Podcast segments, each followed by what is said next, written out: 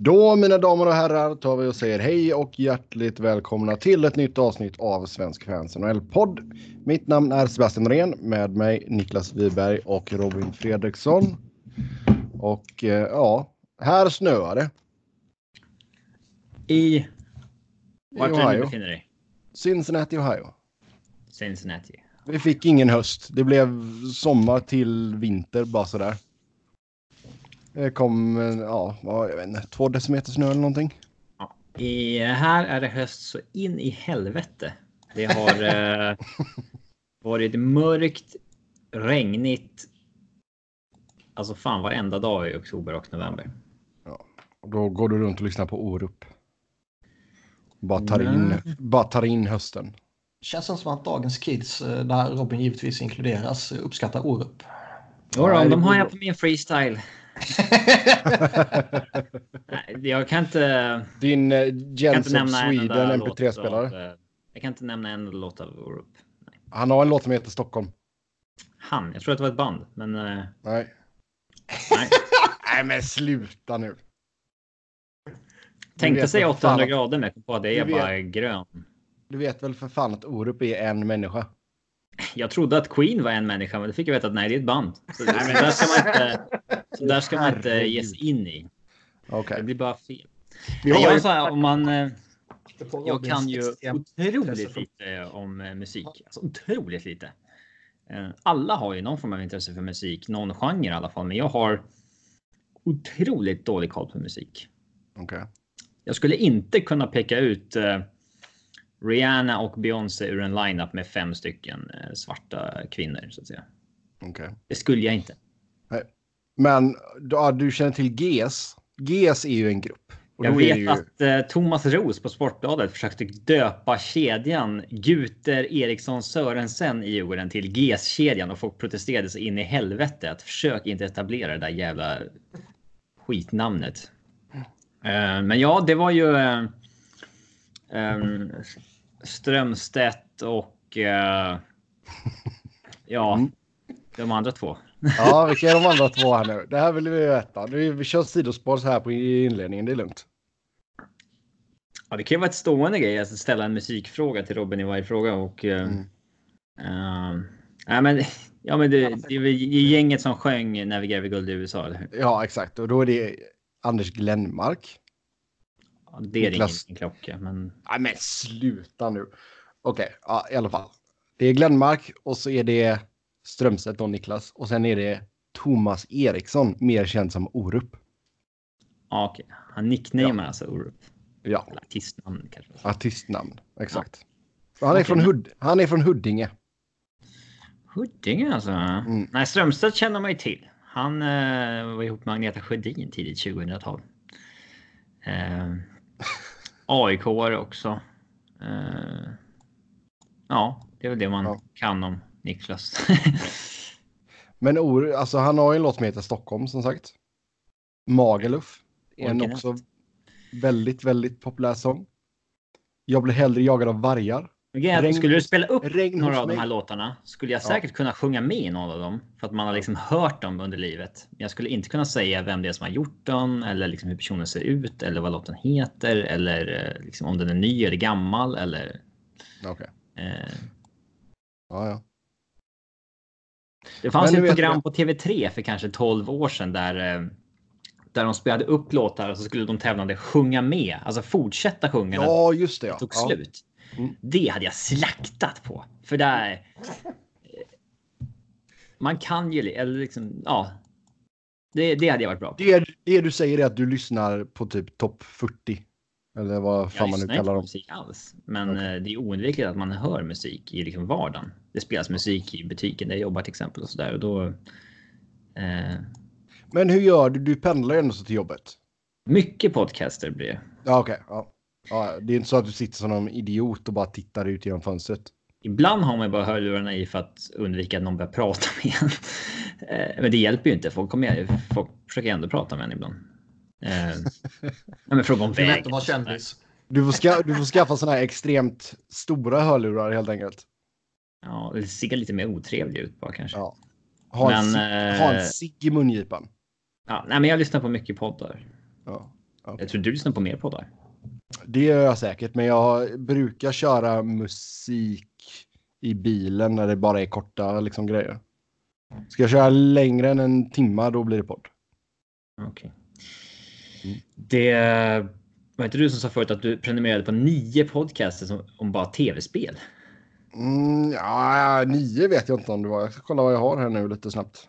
Uh, Det är absurt. Just nu så har vi mycket true crime har jag nu kan jag säga. Uh, Har vi några hockeypoddar vi kan rekommendera folket eller förutom våra egna då, såklart? ja, P- PDR. Flyers-podden. Ja, den är lite överskattad har jag hört. Ja, eh, Den är grovt överskattad. Men eh, ändå lyssvärd, lyssningsvärd. Eh, jag tror alla känner ju till PDO-cast. Ja. så- men jag gillar The Staff and Graph podcast med eh, Rachel Dory och Ian Tulloch på uh, Ian Tulloch på The Athletic och Rachel Dory var ju då tjejen som brukade jobba för New Jersey Devils. mm. De, de har en, en podcast ihop som är väldigt bra. Natural, alltså jag lyssnar på? Natural. Staff and Graph podcast. Staff and Graph. Ja. Natural Hattrick lyssnar jag på mm, mycket, men det är ju mm, gamla vänner till mig. Så. ehm, just nu, ja exakt. Fick jag in den också. Jag var med där för inte så länge sedan. Man kan Jag gå tillbaka och på lyssna. Bobcasten, men det är också för att jag har en relation till honom. Jag har ju träffat honom en Ja, gång. exakt, liksom. exakt. Giss där. Eh, just nu så är det faktiskt bara två tv-spelspoddar. Uh, poddar. Eh, jag har börjat lyssna på Office Ladies. Den är för jävla bra. Det är ju ehm, hon som spelar Pam och hon som spelar Angela. Ja, just det. Eh, gå igenom en jävla avsnitt. Det är helt underbart. Den Ja, är... Gör själva skådisarna det själva? Ja, exakt. Jag lyssnar ju på en podcast som heter Signcast där de går igenom varje Seinfeld-avsnitt i två timmar. Ja, så det här är kör lite de... samma sak, men det är ju två fans som gör det så att säga. Ja, nej, här är det två av dem som var med då. Så de kör en timme om varje avsnitt här. Så det är Ja, riktigt det roligt. är ju, det är ju fantastiskt. Mm. Eh, Jag har precis börjat kolla på The Office. Jag, jag har liksom aldrig liksom alltså kollat det så. Eh, Utan mera liksom Ja, kanske ja. här och där så att Har säga. du missat något? Mm. Ja, men nu, nu är jag inne i, ja, kommit till säsong tre. Träsket. Ja, det är bra. In i träsket. Men nu ska vi ta och podda om hockey. För det är ju Ja, det de men här... det vi framförallt kommer göra Ja. idag. Ja. att Om 41 minuter så kommer ni få live sjunga Happy birthday till mig. Oj, oj, oj. Kör du, Niklas kör den här Marilyn Monroe-versionen till, uh, var det John F Kennedy va? En Eh, oklart. Den är ju extremt klassisk. Eh, men skitsamma, nu hoppar vi in på hockeyn här. Eh, vi ska snacka om det senaste som inte ligan. Vi ska eh, ta en snabb liten notis om vår lyssnartävling och sen även era frågor såklart. Eh, först ut, vi fick en trade i veckan eh, som gick. Robbie Fabry gick till Detroit och eh, i utbyte så fick St. Louis Jacob Delarose. Fabry gick ju rätt in och sprätte in två baljor i sin första match för Red Wings. Ja, det var ju en jäkligt hypad prospect för en två, tre år sedan här för mig. Mm, grova skadeproblem dock. Grova. Dubbla Det ju- knäskador va? Ja. Eh, men jag kommer ihåg att han efter sin säsong där eh, var ju så att han att de typ gav upp något för att skydda honom i expansionen eller så till och med. Eller är det något jag var för mig? Eller om det var att de liksom värderade honom högre än eh, någon jäkligt fet prospect kommer jag ihåg. Någonting var det i alla fall. St. Louis fansen höll honom brutalt högt. Eh, men så kan det ju vara. Så kan det ju vara. Men eh, det känns ju absolut som en kille som eh, kan blomstra i en lite ny miljö efter att ha kört fast i St. Louis. Ja. Helt, helt rätt. Och Det de känns ju som att en spelare i den här traden har ju potential att bli något spännande i alla fall. Och den andra att ha det typ inte. Ja, där är väl mer det säkra ja, kortet så att säga. Att, eh, du vet ju vad du får där till skillnad från Fabry kanske. Ehm, Jag tar ju hellre osäkerheten kring Fabry än eh, det säkra kortet kring Delarose. ja, alltså jag ser, det finns ju ingen uppsida med Jakob Telleros direkt. Nej. men eh, ja, tycker att han passar bättre i din fjärde kedja än Fabry så eh, Så behåller man ändå Fabry för att det finns någonting där. Ja, jag är väl inte det superkontroversiellt tycker jag. Nej, det är det inte. Det är det väl inte. Även om, om vi båda fick välja en spelare till vårt lag skulle ju båda Sebbe, du kan också få tycka om du vill. Ja, tack. Men eh, tack. då eh, skulle man ju absolut ta Fabry. Ja. Helt, helt rätt. Sen så nog kom... eh, alla utom en viss svensk journalist kanske. Om man har koll på Fabry så då blir det lite svårt. Nu spelar han ju visserligen i en tredje line med Bozak och Sammy Blaze. Delos. Men eh, De har väl lite skadeproblem va? ja, men går förvånansvärt bra ändå. Jo, jo, men jag menar liksom att eh, det är väl därför han spelade uppe. Ja, man ska väl kanske inte. Vi, det är kanske vi som slarvar en del med uttrycken när vi säger sådär uh, första, andra, tredje, fjärde kedja. Ofta så är det ju sällan så. Det är ganska många lag numera som har fyra kedjor som spelar lika mycket even strength. Och sen så har Ja, man ju powerplay. Sen har man ju då powerplay formationer där liksom vissa istider jackas upp. Men eh, Kommer ihåg att Roger Rönnberg sa eh, under, efter en presskonferens med Djurgården här att eh, vi säger inte ens första, andra, och tredje, fjärde kedja längre för då blir spelarna bara tjuriga utan vi jobbar med färger. Lila kedjan, Erik Shani kedja och, eh, och så vidare. Ja, herregud. De spelar Ja. typ lika mycket i eh, fem mot fem. Ja, ja, det är fint. Det är lite trenden just nu. Ja.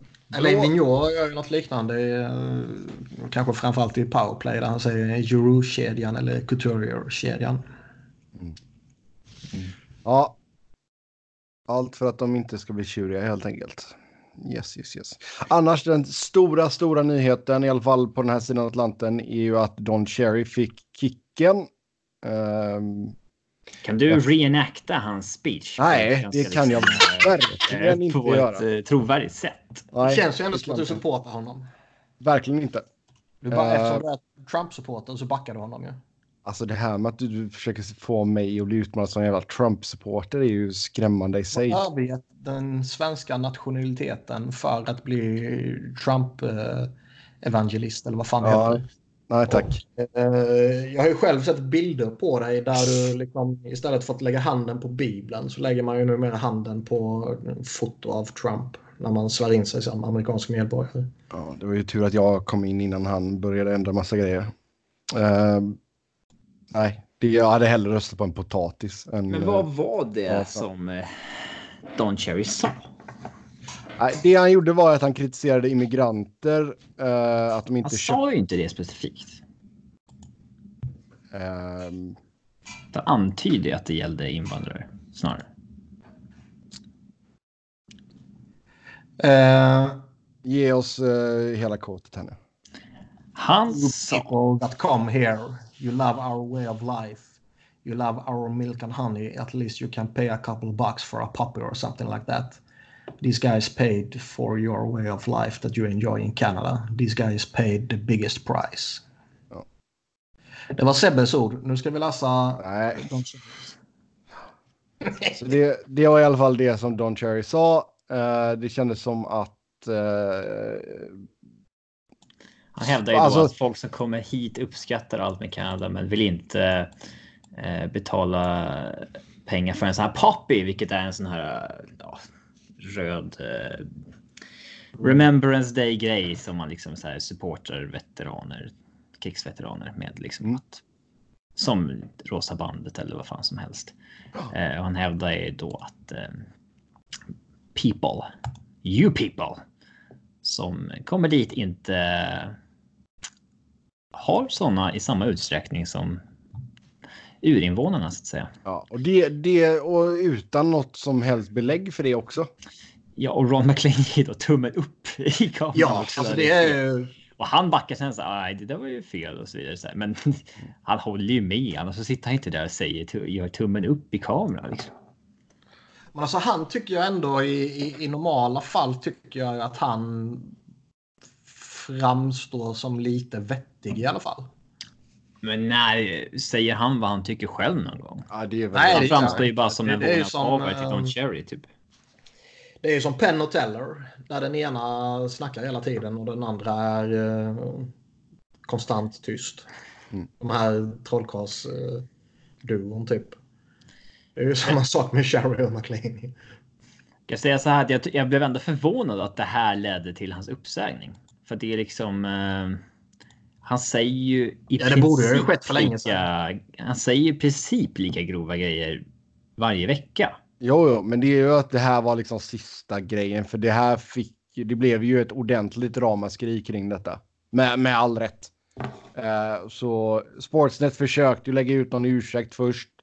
Och tänkt, alltså jag vet inte ens om han hade funderat på att kicka honom först ifall det hade liksom blåst över med den ursäkten. Eh, Greg Wyszynski sa att han hade hört från en källa att de prov, att det här med att lägga ut alla ursäkter, det var liksom ett mm. test för att se om det skulle blåsa över, om de kunde skita i det, men så gjorde det inte det och då fick de eh, sparka Don Cherry som enligt uppgift är väldigt ledsen över att de gjorde det på Remembrance Day av alla dagar också. eh, men, men man gjort det här mot honom. Han har ju satt sig i den här sitsen själv. Liksom. Ja. Eh, men han tar som... ju inte.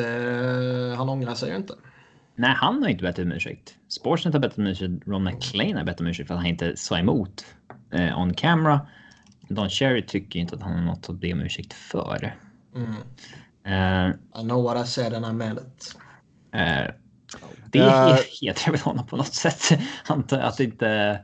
Uh, att det är många som säger saker de menar, men sen om de får skit för det så... Ja, han har ju redan, han har ju redan fått ett jobberbjudande. Dynamo Moskva. Ja, mm. exakt. Så Dynamo Moskva tweetar ut att uh, det, ja, Hey, Don Cherry, we heard that you got fired or you were fired. It's not good. Come to Russia. We need an analyst for Dynamo TV who could talk whatever he thinks. We love old soldiers and we will make a nice suit. Men grejen är att han, han borde ju givetvis plockats bort för många, många år sedan. Många, många, många år sedan. Och eh, det gick ju snack i somras. Kan det ha varit Steve Simmons? Jag minns inte.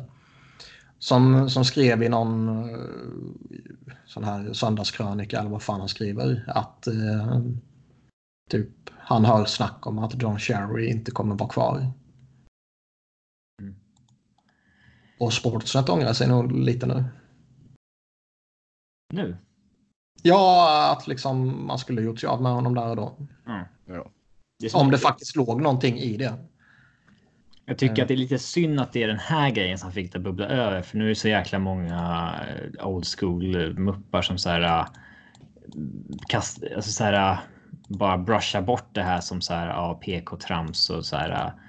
Eh, och gör det så här till en politisk grej om immigration och så vidare. Liksom. Att det är liksom en vänsterpropaganda som tar över och så vidare. Men det är ju liksom. Det han säger ju samma sak. Han säger liknande saker varje vecka. Alltså det är inte. Han har sagt många korkade och. Ja. Vad heter det? Direkt olämpliga saker att säga. Ja, det, ja. att, att säga att liksom Leeds behöver Colton Orr och Frazier McLaren tillbaka. Det är liksom. Det är ju såklart korkat, men det är inte. Det är inte olämpligt att säga. Det får han ju tycka om han vill liksom. Eh, och det. Eh, det finns väl någon charm i att det finns en gammal gubbe som föredrar det liksom i tv. Eh, men jag kan tycka det finns en viss, ett visst underhållningsvärde i att ha en liksom... Från en annan generation liksom. Ja, från en annan generation med lite mer old school-tänk som, som sitter och, och, och liksom lyfter fram saker som kanske inte lyfts fram på samma sätt i, i, i den moderna hockeyn. Liksom. Eh, ja. Uh, Brian Burke är ju liksom skitrolig. Mm. Men uh, det är ju off. Alltså, han har ju sagt så många saker som att men sen somras la han ju upp något Twitterinlägg om att han inte förstår varför Toronto draftar spelare som inte är kanadensare bara. Ja. Liksom så här. Jaha. Och. Eh, att liksom ha en kille som öppet värderar vissa nationaliteter för andra bara baserat på det liksom. Jo, jo, Sen den här ja. grejen om att han inte tycker att eh, kvinnliga hockeyreportrar ska ha samma eh, rättigheter som manliga kvinnor, för hockeyreportrar och så vidare. Det är ju också väldigt kontroversiellt och direkt korkat att säga.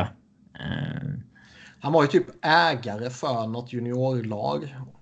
Och ja. de första åren så hade de ju bara kanadensare i laget och vann typ nio matcher på tre år. Ja.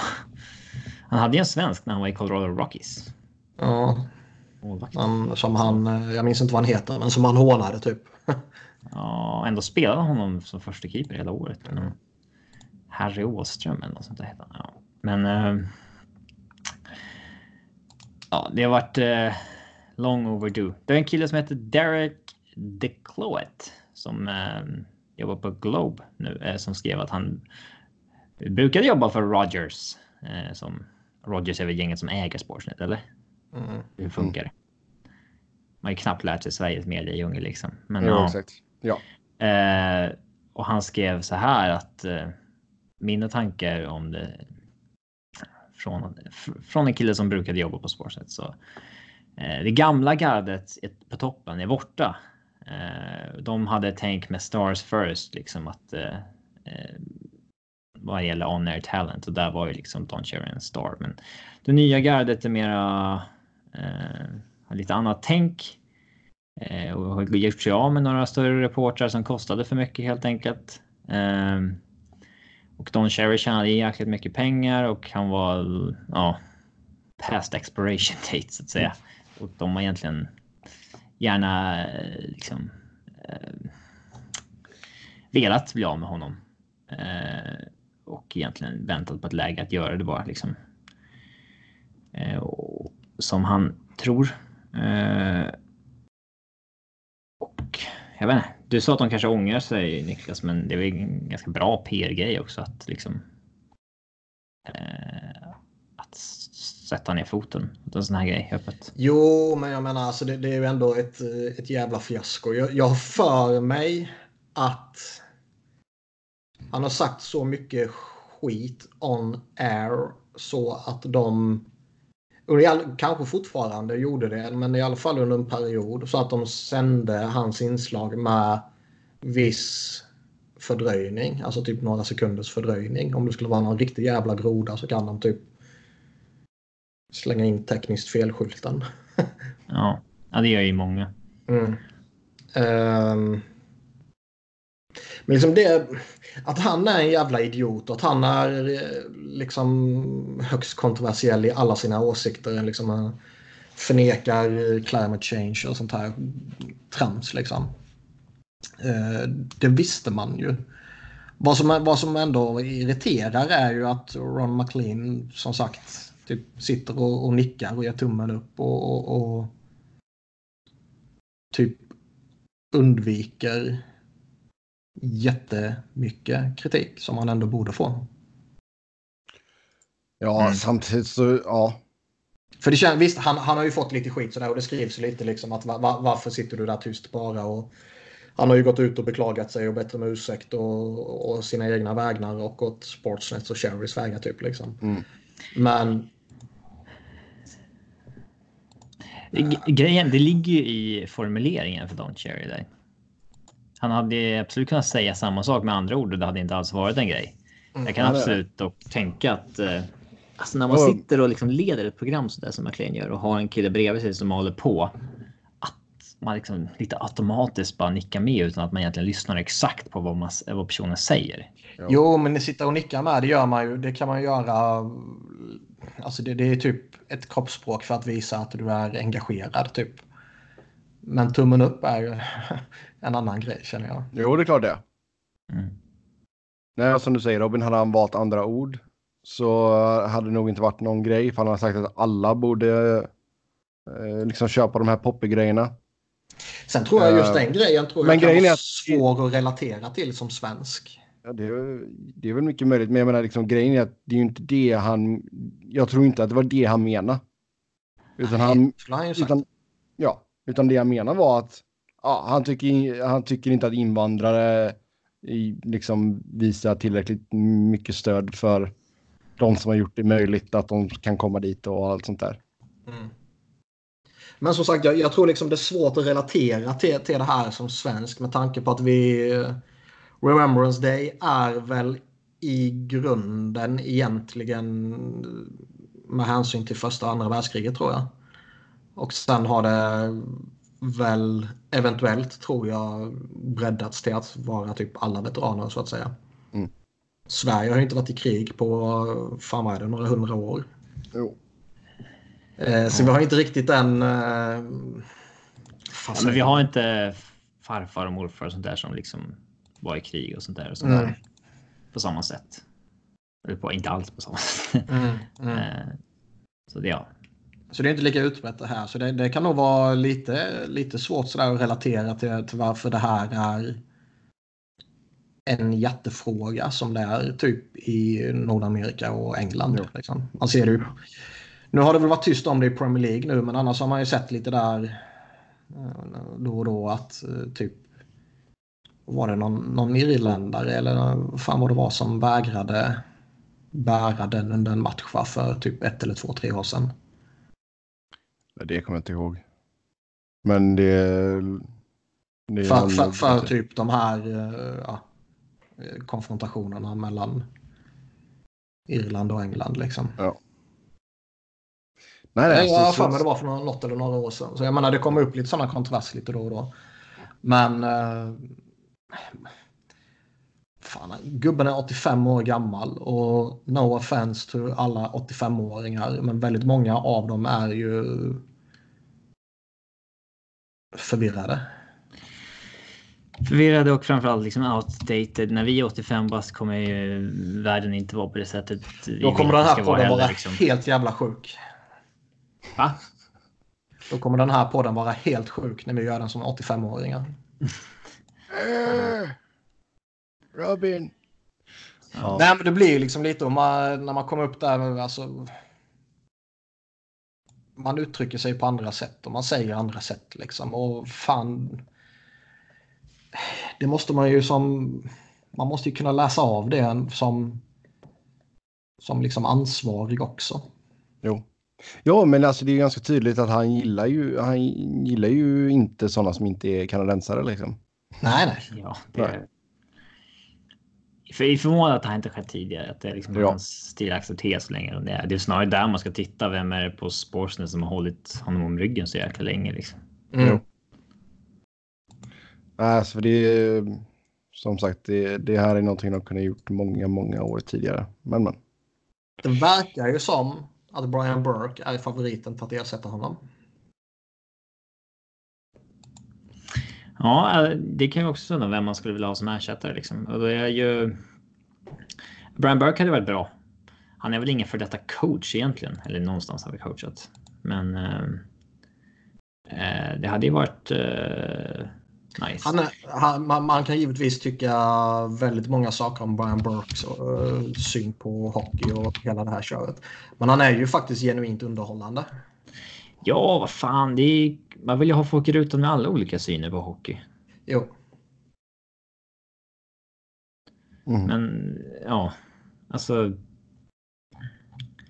Det. Han var jättebra. Absolut. Finns det några andra coacher man skulle kunna tänka sig? Alltså gamla coacher som man skulle kunna tänka sig sitta där.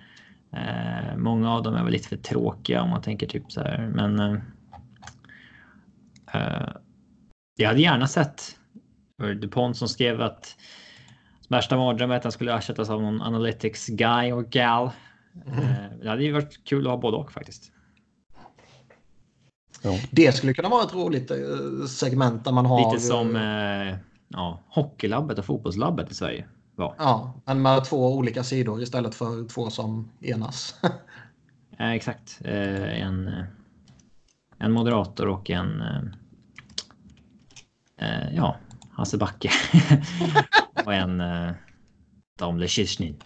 Mm. Lechizny. Ja. Japp. Randy Carlisle. Candy Carlisle. Ja. Men Burke är ju bra. Um... Av de som redan finns på Sportsnet så kommer jag inte på någon annan på rak arm som Nej, det ska vara att de är lediga också. Alltså så här, eller kan, ja. Uh, Visst, börjar man sätta sig och fundera lite på riktigt och, och sådär så kan man säkert hitta många fler alternativ givetvis. Men uh, Burke kan nog vara rätt rimlig faktiskt. Ja. Yes, vi uh, släpper Cherry där. Mm, får vi se ifall det händer någonting annat på den fronten. Uh, John Shaika får en förlängning med Arizona. Uh, jag har inte fått ut exakt hur många år det är, men multi-year extension i alla fall. Long term. Long term. Ja. Lower body extension. Ja, så jag vet inte riktigt exakt. Ja. Uh, long nej, term, vad kan jag ha?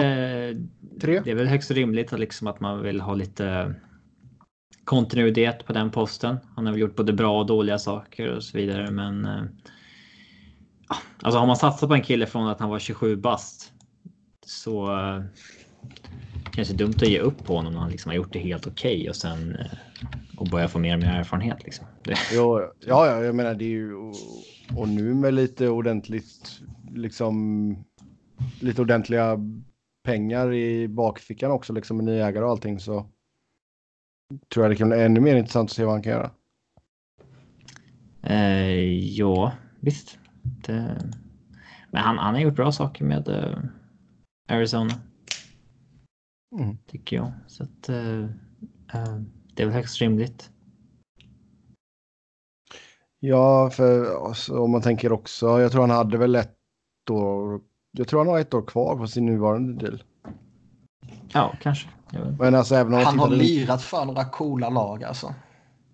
St. Catharines Falcons, Thorold Blackhawks, Woodstock Slammers, Cowichan Valley Capitals, Trenton Golden Hawks. På jävla skitnivå, men sjukt coola namn. Ja. Mm. Känns som att det finns potential till bra loggor där också. Ja. Faktiskt. Nej, men visst, det är, det är intressant att följa. Det känns ju inte som att det finns något sånt här uppenbart namn heller som man bara, ja men honom borde de plocka in och ersätta Käka med liksom. Så... Uh, mm.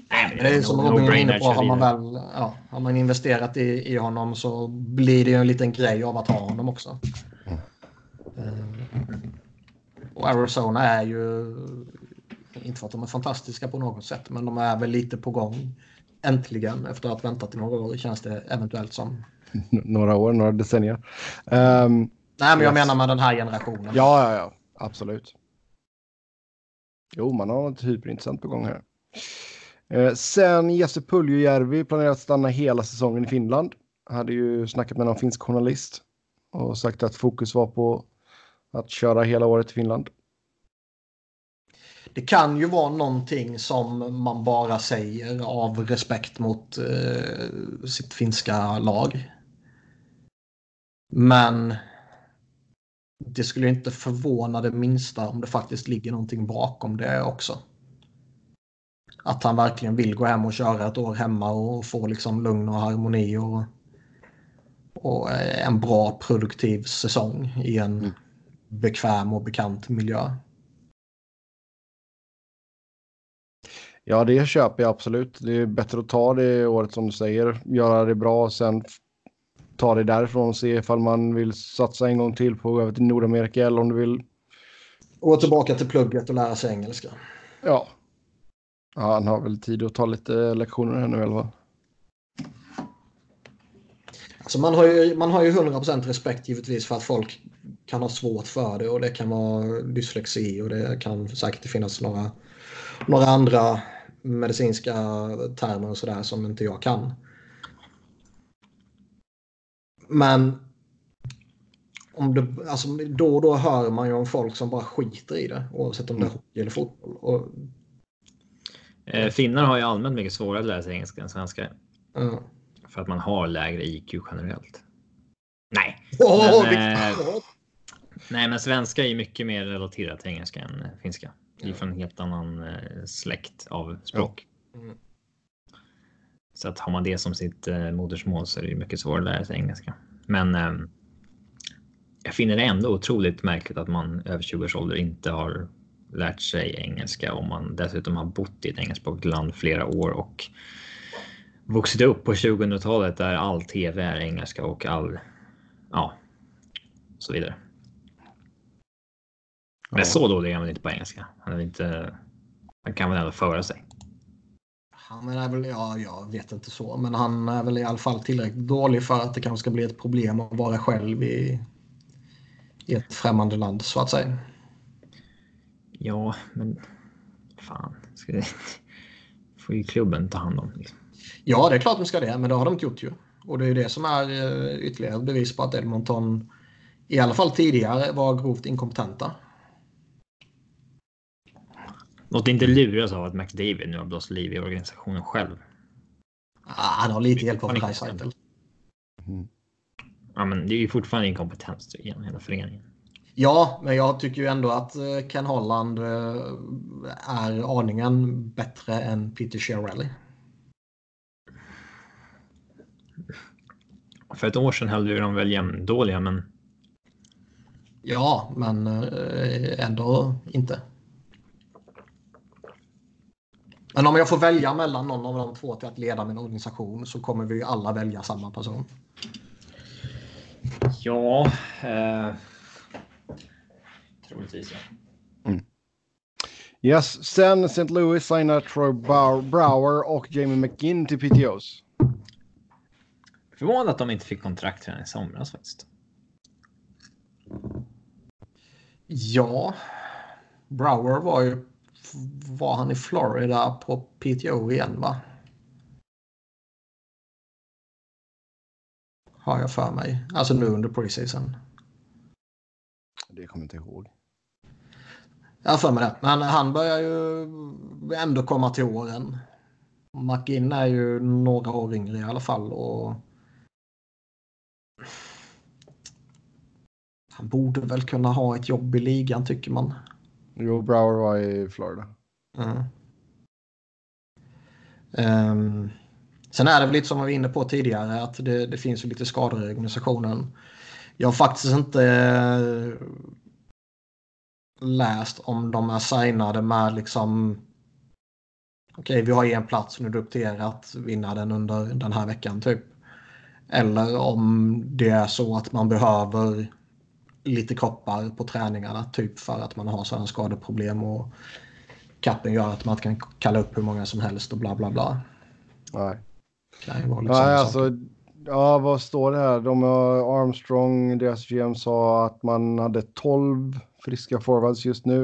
Uh, Tarasenko är borta long term. Sen så tappar man ju även Alexander Sten i en dryg månad. Ehm, så det står att Brower och McGinn kommer att träna med laget tio dagar och sen så kommer man ta ett beslut efter det. Och de kan ju inte spela matcher då medan de är på eh, tryout. Mm. Så ja. Så så är det med det.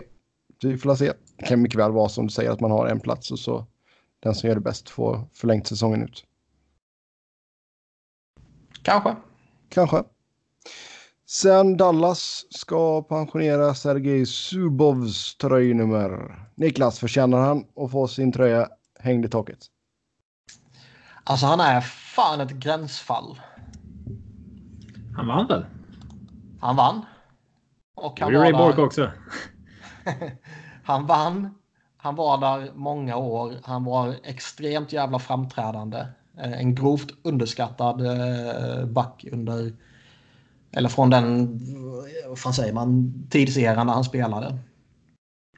Eh, Ja, han hade varit mer uppskattad idag än- ändå. ja. Eh, och sen, ja, han har ju inga liksom awards att visa upp, vilket ju talar emot honom. Ja, men för att pensionera en tröja måste man inte ha awards. Nej, men det kanske ändå ska vara... För att vara Hall of Fame, ja kanske. Pensionera en tröja, det är ju bara att ha med lag. Fame är ju bara trams. Det kan vi ju slänga ut genom fönstret ju. Ehm, att pensionera tröjnummer är ju ändå en sjuk ära. Med tanke på hur urvattnat Hall of Fame är så skulle jag ju nästan klassa tröjpensionering som en större ära. Om det görs på rätt sätt. Och jag tycker Subov, det gör, fan, jag tycker det är gränsfall på om han ska göra det eller inte. Uh, Hårt alltså. han Ja, fyller två vilk- av tre um, Vilka har Dallas i taket? moderna och har de väl, vad fan har de mer? Har de någon mer? Lehtinen här hissade de va? Sen har de ju några från Minnesota-tiden med. Jo, men jag tänker från Dallas-tiden liksom. Neil Broughton, Bill Goldsworthy och Bill Masterton. Men det är Lehtinen och Moderna. Ja. Nu ska de bara hiva upp Darian Hatcher också. Nej, men Subov känns, eh, det känns helt rätt. De hade ett coolt jävla lag när de vann alltså. Många mäktiga spelare. Vad äter du knäckebröd eller vad fan? Dum. Chips. Men Su- Super var en fin spelare.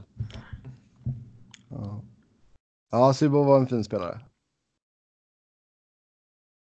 Eh, Sen hade han väl lite oflyt att han spelade i, under, en, under en era när det var några sjukt framträdande backar. Liksom. Både i början på hans karriär var det ju fortfarande det, det äldre gardet som kunde dominera och eh, under senare delen av karriären var det ja, lite av en ny generation som började dominera.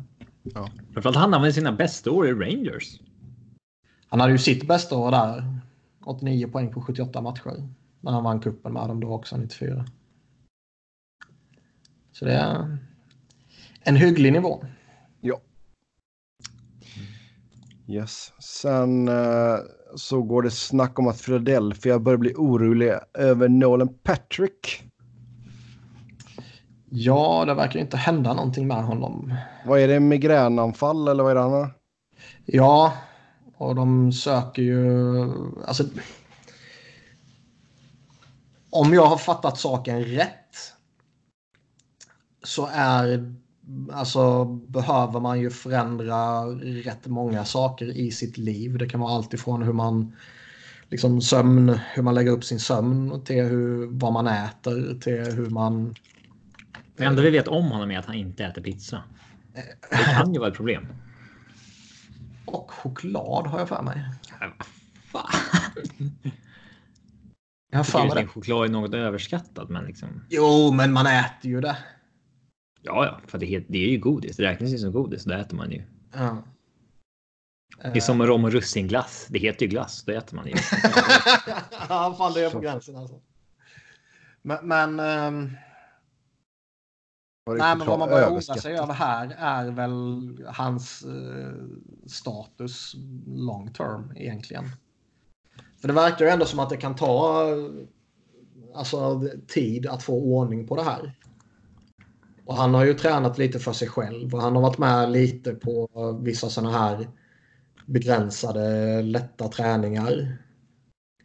Eh, utan en no contact jersey. Men det har ju varit för att det varit typ fyra gubbar på isen och det är ändå ingen kontaktövning så att säga.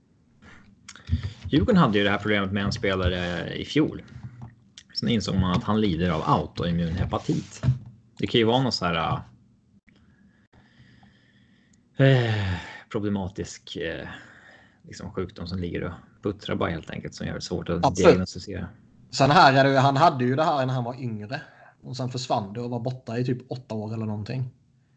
Och sen började han känna av det ånyo i somras. Och meddelade laget och så trodde man att det kanske kunde vara något att göra med en hjärnskakning han har haft. Men det ska man visst ha avfärdat nu och nu är det liksom migränproblem. Ja. Jag menar, alltså är det en sån osäkerhet över honom och man är orolig och han kanske kommer vara borta avsevärt mycket längre. Då bör man kanske söka efter en trade. Träda bort honom eller få i den Nej, spelare. nej, nej, inte dumpa honom. Utan eh, någon ersättare. Ja. Det är väl dock inte det intressanta här, men eh, Nej, det är det inte. Men det är ju en effekt av det. ja. För nu, nu spelar man ju liksom Claude Giroux som center. Och jag älskar Claude av hela mitt hjärta. Men idag är han betydligt mycket mer effektiv som winger än som center. Ja, det, den nöten knäckte ju Dave Hackstall. Det är det enda vettiga han har gjort. Att, eh, ehm, ja, fan cred för. Men, jag tror väldigt få andra coacher hade flyttat ut honom på en vinge. Liksom. Det, nej, det var ju det var ju ett stort beslut. Skicka ut kaptenen och centerstjärnan och eh, en av... som att Getz, Anaheim hade gjort det med Getzlaff eller med liksom... Ja. eh, ja. Nej, men verkligen. Så det var ju något stort. Sen var, sen var ju... Tänkte det fanns någon annan center liksom som... Alltså som... Det var ganska tomt bakom. Ja, det var ju bara Couturier. Mm. Som alla visste var lite överskattad. ja, visst. Uh, men jag menar med facit i hand, var, som jag har sagt tidigare och som Robin har fnyst åt mig. Det var ju sjukt viktigt att man signade Kevin Hayes. Ja, ja, kortsiktigt absolut. Ja. Men jag, jag tror bara, alltså börjar man inte se någon bättring på Nolan Patrick. Så det å ena sidan är man givetvis jätteorolig för, för hans status och det vore självklart så jävla typiskt att när man väl får den här gudagåvan och, och vinner draftlotteriet så blir det typ en av tidernas största busts givetvis. Men osade det inte lite bust från början ändå? Det var liksom inte det här äh, Eichel går tvåa. Liksom det... Nej, det är klart. Det, det, finns, då det, finns ju, det finns ju två nivåer av, uh, vad säger man, uh, frustration. Å ena sidan att man vinner draftlotteriet och man gör det det året när det inte finns alltså två eller tre super, supertalanger som det typ ofta finns. Um, så här två år senare om vi draftar om, då hade den som gick femma gått etta. Det säger en del. Ja. Elias Pettersson för er som inte känner till honom. Ja, jag har hört talas om honom. Mm, grattis på födelsedagen. Det var han som var oförskämd mot mig en gång. Oförskämd? Ja, just det. Han kommer från Växjö. var där ett år. Uh, Kel McCard nog gått två om vi draftade om där. Men ja, det... Ah, ja. Heiskanen gör rätt bra case före McCart, tror jag faktiskt. Jag tror 8 av 10 hade valt McCart. Ja, du har 2 av 10 korrekt. Du säger att det är korrekt med Heiskanen. Nej, det säger jag inte. Jag alltså, skojar lite. Jag tror jag du fattar. Men, men det är alltså... Det... 70 poäng i år typ. Ja. Men det, jag tycker faktiskt det är en legitim diskussion att ta om man vill ha Cale McCarr eller Miro Heiskanen. Att, det, ja. att Pettersson går etta, det, det kan väl typ alla enas om idag. Men sen tycker jag det är öppet om andra platsen mellan de två. Ja, det är det. Och sen ska väl Hischier in på fjärdeplatsen och sen så kan man ju argumentera hej vilt om typ 17 spelare känns det som. Ja, där det. Eh, ja, ungefär så många.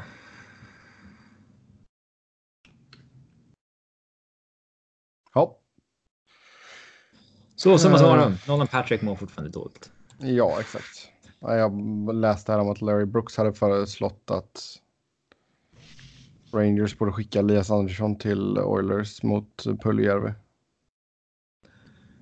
Uh, ja, why not? Ja. ja. Vi tar och glider vidare. Har vi något att säga om matcherna i Stockholm? Tampa tog ju två segrar i Globen. Och det verkar allmänt ha varit väldigt uppskattat från spelarhållet. Ja. Eh...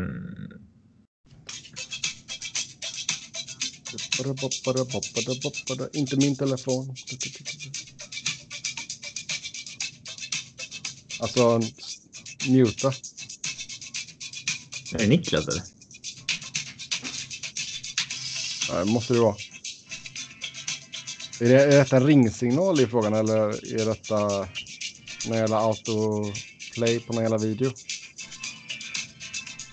Det är ju den stora frågan. Är det du då? Nej, det är inte jag.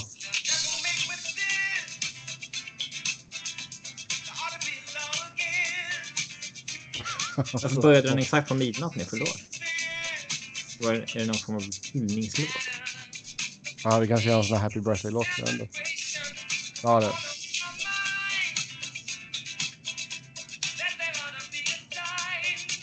Vet ni hur mycket jag fyller?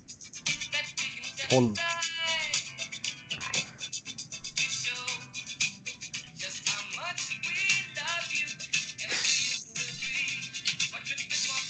Alltså du kunde ju hoppat fram till refrängen i alla fall.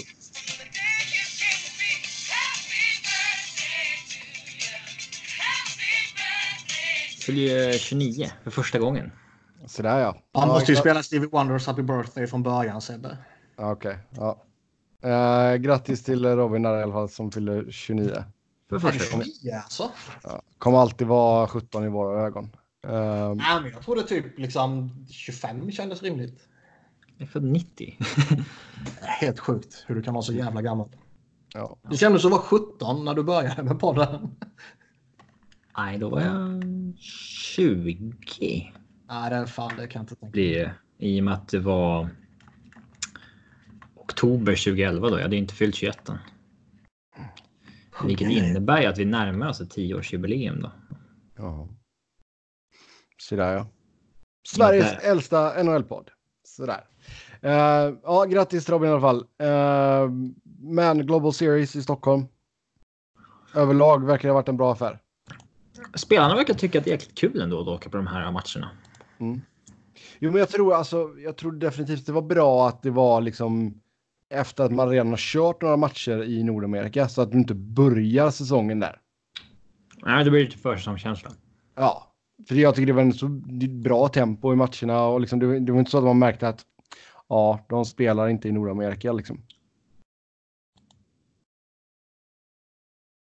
Jag vet inte vad jag tycker. Visst, jag håller med dig att det kan bli lite preseason-känsla om man inleder säsongen i eh, Europa eller Asien eller vad fan det skulle vara. Men jag är ju inte heller förtjust att göra den här resan under säsongen. Gör man det tycker jag det är rätt att man spelar dubbelmöte i alla fall. Oh ja. Ja, att man bara åker till Prag och spelar en match är ju konstigt på... Dels att man inte tar tillfället i akt när man väl är på plats. Men också det här att Flyers tappade ju en hemmamatch i Philadelphia. Man får ju ta en hemmamatch var så att säga. Ja. Och jag menar, det, det är ju... Visst, nu är Flyers välmående och hela det här köret rent ekonomiskt. Men det är ju eventuella intäkter man tappar. ja. Ja, De tar, drar väl in en del pengar. De drar väl in, ja exakt. Jo, men hur är det i relation till den? För det brukar ju oftast vara att man spelar två matcher och man får varsin hemmamatch och en bortamatch och sen kanske man... Hela syftet med de här resorna är ju för att dra in pengar. Så att det gör de väl. Kanske inte klubben direkt, men NHL. ligan Och sen så, det. ja, jag vet faktiskt inte hur det funkar. Men, men det, är, det är märkligt att man inte får varsin hemmamatch borttagen så att säga. Mm, ja, det är bra. Eh, Om vi skulle ha det här Taves-schemat, då hade man kunnat ha eh, att om, eh, om Flyers ska möta eh, Rangers sex matcher, då spelar de i liksom Europa i två veckor. 22 Mm. matcher i Stockholm, två i Helsingfors. Eh, och, inte, ja, en i Prag och en i Barcelona. Barcelona. ja. Nej men alltså det är Alltså, om överlag vi nu ska så. ha det här tramset med Jo, Europa från början. Liksom. Alltså det, jag har inga, inga problem med Global Series. Överhuvudtaget. nej, alltså jag... inga problem jag med global warming alls.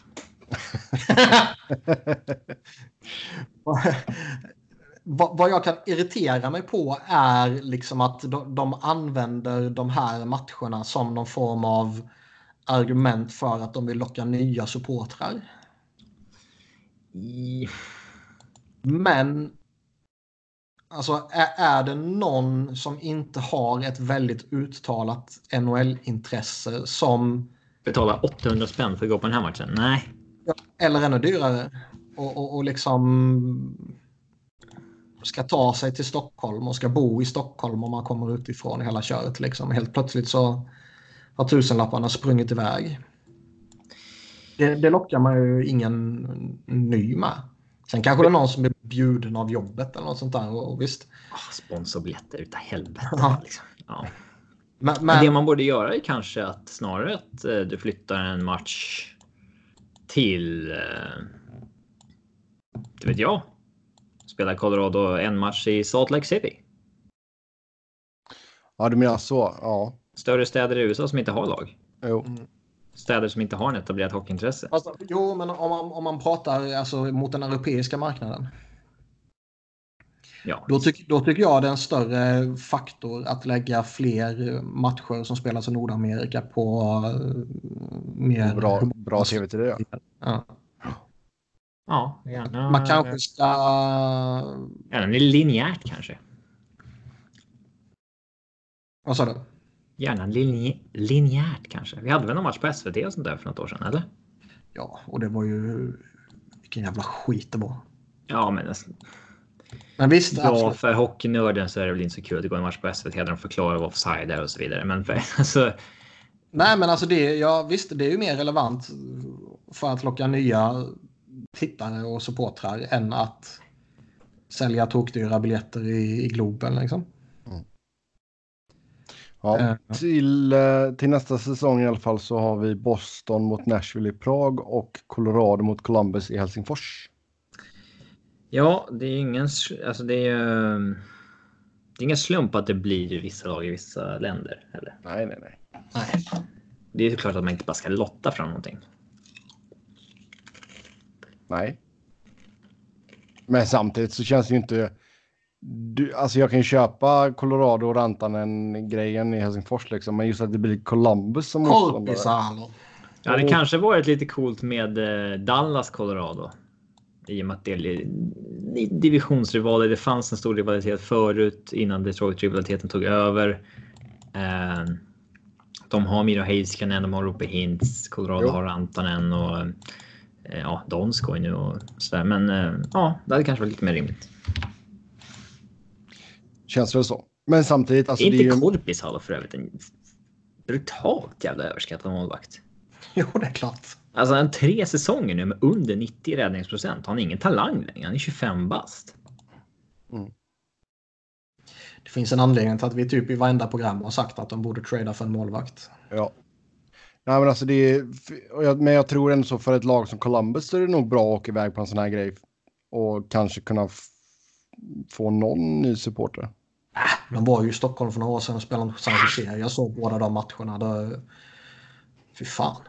Du märk- och för sig. Då Och kan du, mär, du märkte verkligen hur alla bara åh Columbus, det blir mitt lag nu.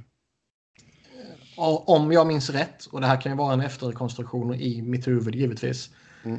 Så var det ju inte slutsålt. Det var väl en flopp-grej då. Ja. Men nu känns ju den här Globen Series lite mer på riktigt. Jo, Det var ju då när det var St. Louis spelade någon inledande match i Col... i Col- St. Louis, Detroit och sen var det Pittsburgh, Ottawa. Kommer ihåg Paul Correa spelade i alla fall i eh, St. Louis. Då. Det var ett tag sedan. Mm. Nej, men och sen liksom få Boston till Prag, det känns ju. Det känns ju ganska naturligt och Nashville är ju ett bra lag så det ju, kan nog bli bra. Ja, Helt enkelt.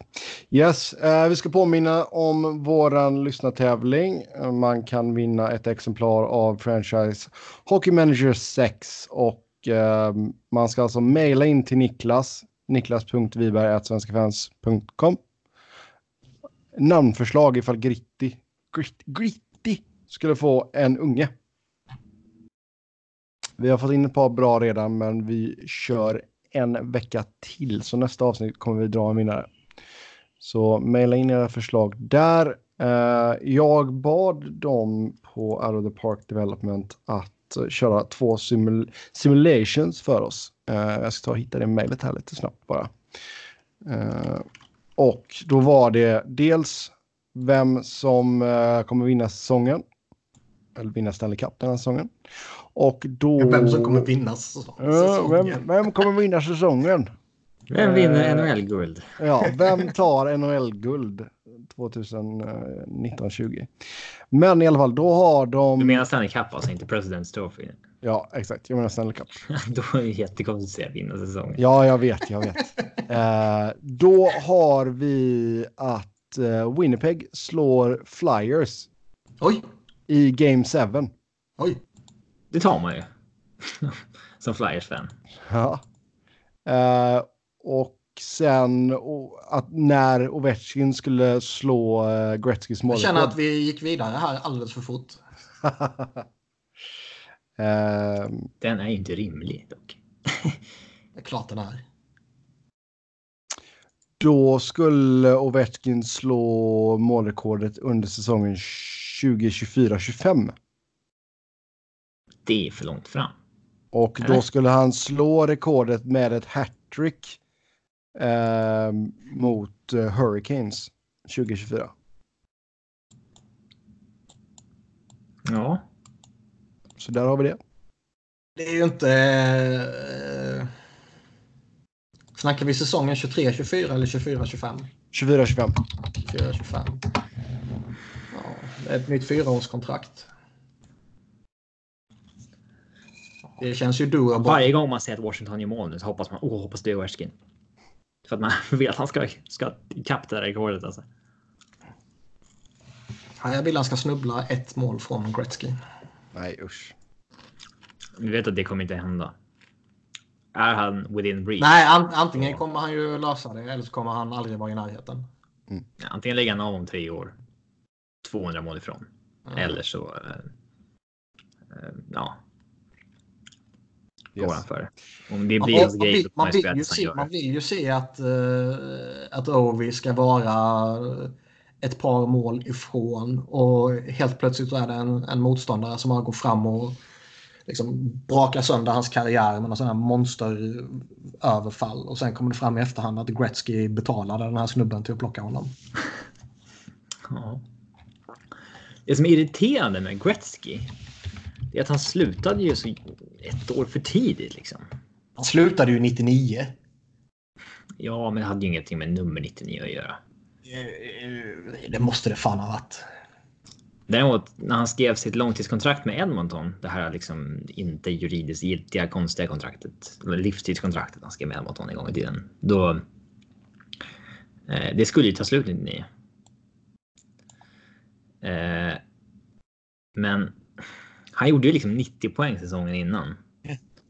Så har han ett år där liksom han inte har skottprocenten med sig och bara "Ah, jag håller inte längre lägger av. Så jäkla onödigt. Alltså han, speciellt i och med att han är så nära flera rekord. Han är Mm. liksom 13 så, matcher. så nära flera rekord. Han har alla rekord. Ja, Han milestones. säga. milstolpar. Ja. Eh, han är liksom 13 matcher ifrån 1500 matcher. Han är 6 mål ifrån 900 mål. Han är eh, vad blir det, 37 assist ifrån 2000 assist. Och han är mindre än 150 poäng ifrån 3000 poäng. Så han skulle kört en säsong till. Ja, eller två. Då hade han liksom... Ja, en säsong till hade ju räckt för att komma över både games played, goals och assist eh, milestonen. Ja. Eh, så, ja, onödigt. 18 poäng från 400 slutspelspoäng också. Men Sen var ju Rangers skit också. Jo, men han kan ju byta lag. Ja, Ja, då tar vi och glider in på lyssnarfrågorna. Som vanligt stort tack till er som har skrivit in till oss. Först ut tar Niklas över coaches corner nu efter Sherry. nej, det är Brian Burke. Nej, ja. Det är Ja, Niklas. Det var jag Niklas och Burke som gick upp i, i slutet, men ja. De bara nu, now put your ties on your head and let's see who looks the best. jag tror jag har någon slips långt in i garderoben. ja. Sen vore kul att höra era tankar utifrån det här i nästa podd. Grym intressant långläsning om strukturerna inom NHL. Då var det en eh, artikel från The Athletic eh, angående What will it take for the first gay player to come forward? Jag har inte hunnit läsa den här texten. Men eh, man får väl en hygglig grepp. Det är, det är verkligen mastodonttext. Men man får väl en hygglig eh, uppfattning om vad den handlar om baserat på vad Sebbe läste upp såklart. Ja. Och det alltså, känns väl svårt att prata initierat om liksom typ strukturerna inom NHL. Om man liksom inte är inne i det dagliga. Ja. Och då menar jag, då menar jag inte vara en journalist på plats utan då menar jag liksom vara inne i det stängda omklädningsrummet så att säga. Där det, som du förmodligen gör i alla omklädningsrum i eh, de flesta länderna, i de flesta idrotterna och så vidare, att det finns en viss jargong som i alla fall i manliga omklädningsrum som är de enda omklädningsrummen jag har varit inne i. Eh, har en tendens till att kanske vara lite macho. Och vara lite eh, exkluderande snarare än inkluderande. Jo. Men kan man inte vara macho Så om man, är, om man är homosexuell? Ja, du vet vad jag menar. Mm. Håll inte på Jo, så. ja, ja. ja, ja. Ehm, Nej, men jag tycker alltså så, så tror jag det är. Alltså det hör man ju att så, är det i NHL och så är det ju i Premier League som är de två grejerna jag följer. Liksom. Och så är det givetvis i, även på de lägre nivåerna. Eh, Jo, men frågan är ifall, ifall det kanske är det som är lite av problemet också, att du har det på de lägre nivåerna och i de yngre leden. jo, det är klart. Och att det, alltså, jag tror, jag tror inte att det hade varit någon, alltså i 99 fall av 100, så tror jag inte att det hade varit någon stor grej. Kanske inte i det egna omklädningsrummet. Men eh, det kommer vara en, en, en faktor ute på isen. För det kommer komma kommentarer. Det kommer komma eh, trash talk. Som syftar på sådana saker.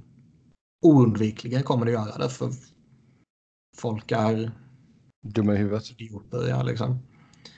Eh, jag menar, vi har, det finns spelare som pratar om att de ska gå på motståndares barn. Liksom.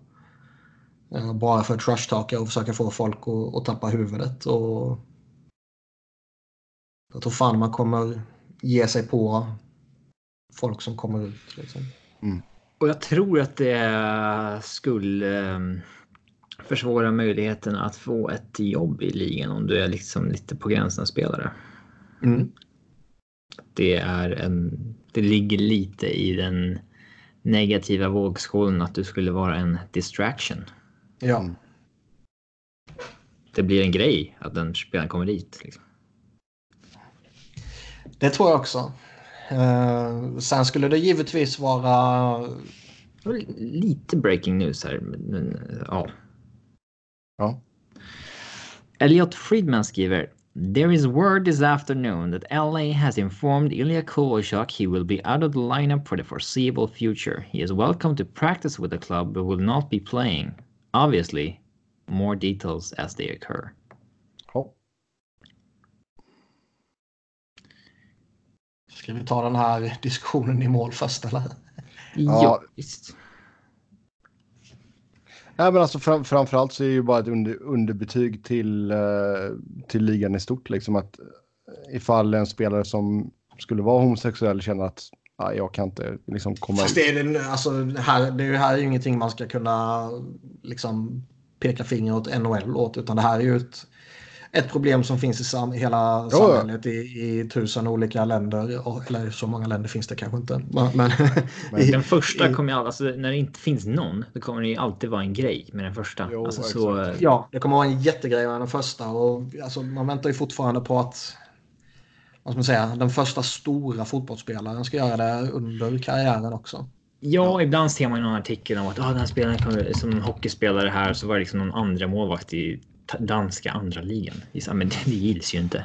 det, är liksom, det är en spelare som jobbar, spelar hockey på fritiden. Det är ju Mm. ingen grej då. Nej, det skulle behöva någon Det ska ju vara någon som faktiskt kanske sätter sin karriär på spel genom att göra det. Var den faktiskt är dens levebröd så att säga. Sen undrar man ju vad, alltså, Den största spelaren som kom, det är väl eh, Thomas Hitzelsberger. Men han gjorde det efter han gjorde det karriären. efter karriären. Ja. Eh, och det är givetvis eh, stort Bra. och respektgivande Men, och bra på alla sätt och vis. Men, men det blir ju en annan grej om man gör det mitt under sin prime typ. ja. Det kommer man ju aldrig ifrån. Tänk om LeBron James hade gjort det liksom i samband med att han ska annonsera sitt de- de- decision i tv. Mhm. Och by the way. I'm gay as the day is long. Och så. Ja. Nej, men som sagt, det är just att vara den liksom första också. Det, är- det lägger ju en hel del extra press på dig och liksom vara den pionjären liksom. Ehm, så det är ju lättare sagt än gjort också. Så är det ju. Men, Men jag tror liksom att, att prata stort om, om kulturen som finns och allt sånt där tror jag är fan omöjligt utan att vara i verksamheten på daglig basis. Jo. Bakom de stängda dörrarna. Ehm, det finns säkert både inom fotboll och inom hockey folk som... Det var ju någon, någon finländare som det rapporterades om typ förra veckan eller någonting. Jag kommer inte ihåg vad han hette. Som hade berättat det för typ lagkamraten och ytterligare någon sån här. Och det var liksom, ja, ja skoj för dig, nu kör vi typ. Mm. Um, och att man sen i ett senare, eller om det var till och med efter karriären eller vad det nu var, uh, gör det offentligt så att säga. Jag tror absolut det kan finnas både fotbollsspelare och hockeyspelare som i en liten betrodd omgivning typ har uh, avslöjat det så att säga. Nu får man det ju låta som att det är något kontroversiellt. Det, det, syftar man ju inte alls på utan man syftar ju snarare på att det skulle vara så extremt banbrytande. Mm. Jo, det är helt klart. Men jag tror att eh, så länge samhället ser ut som det gör och så länge man ser hur jävla fucked up USA kan vara när det kommer till hela Colin Kaepernick fadäsen och allt sånt där om man gör någonting utanför boxen så att säga. Jo.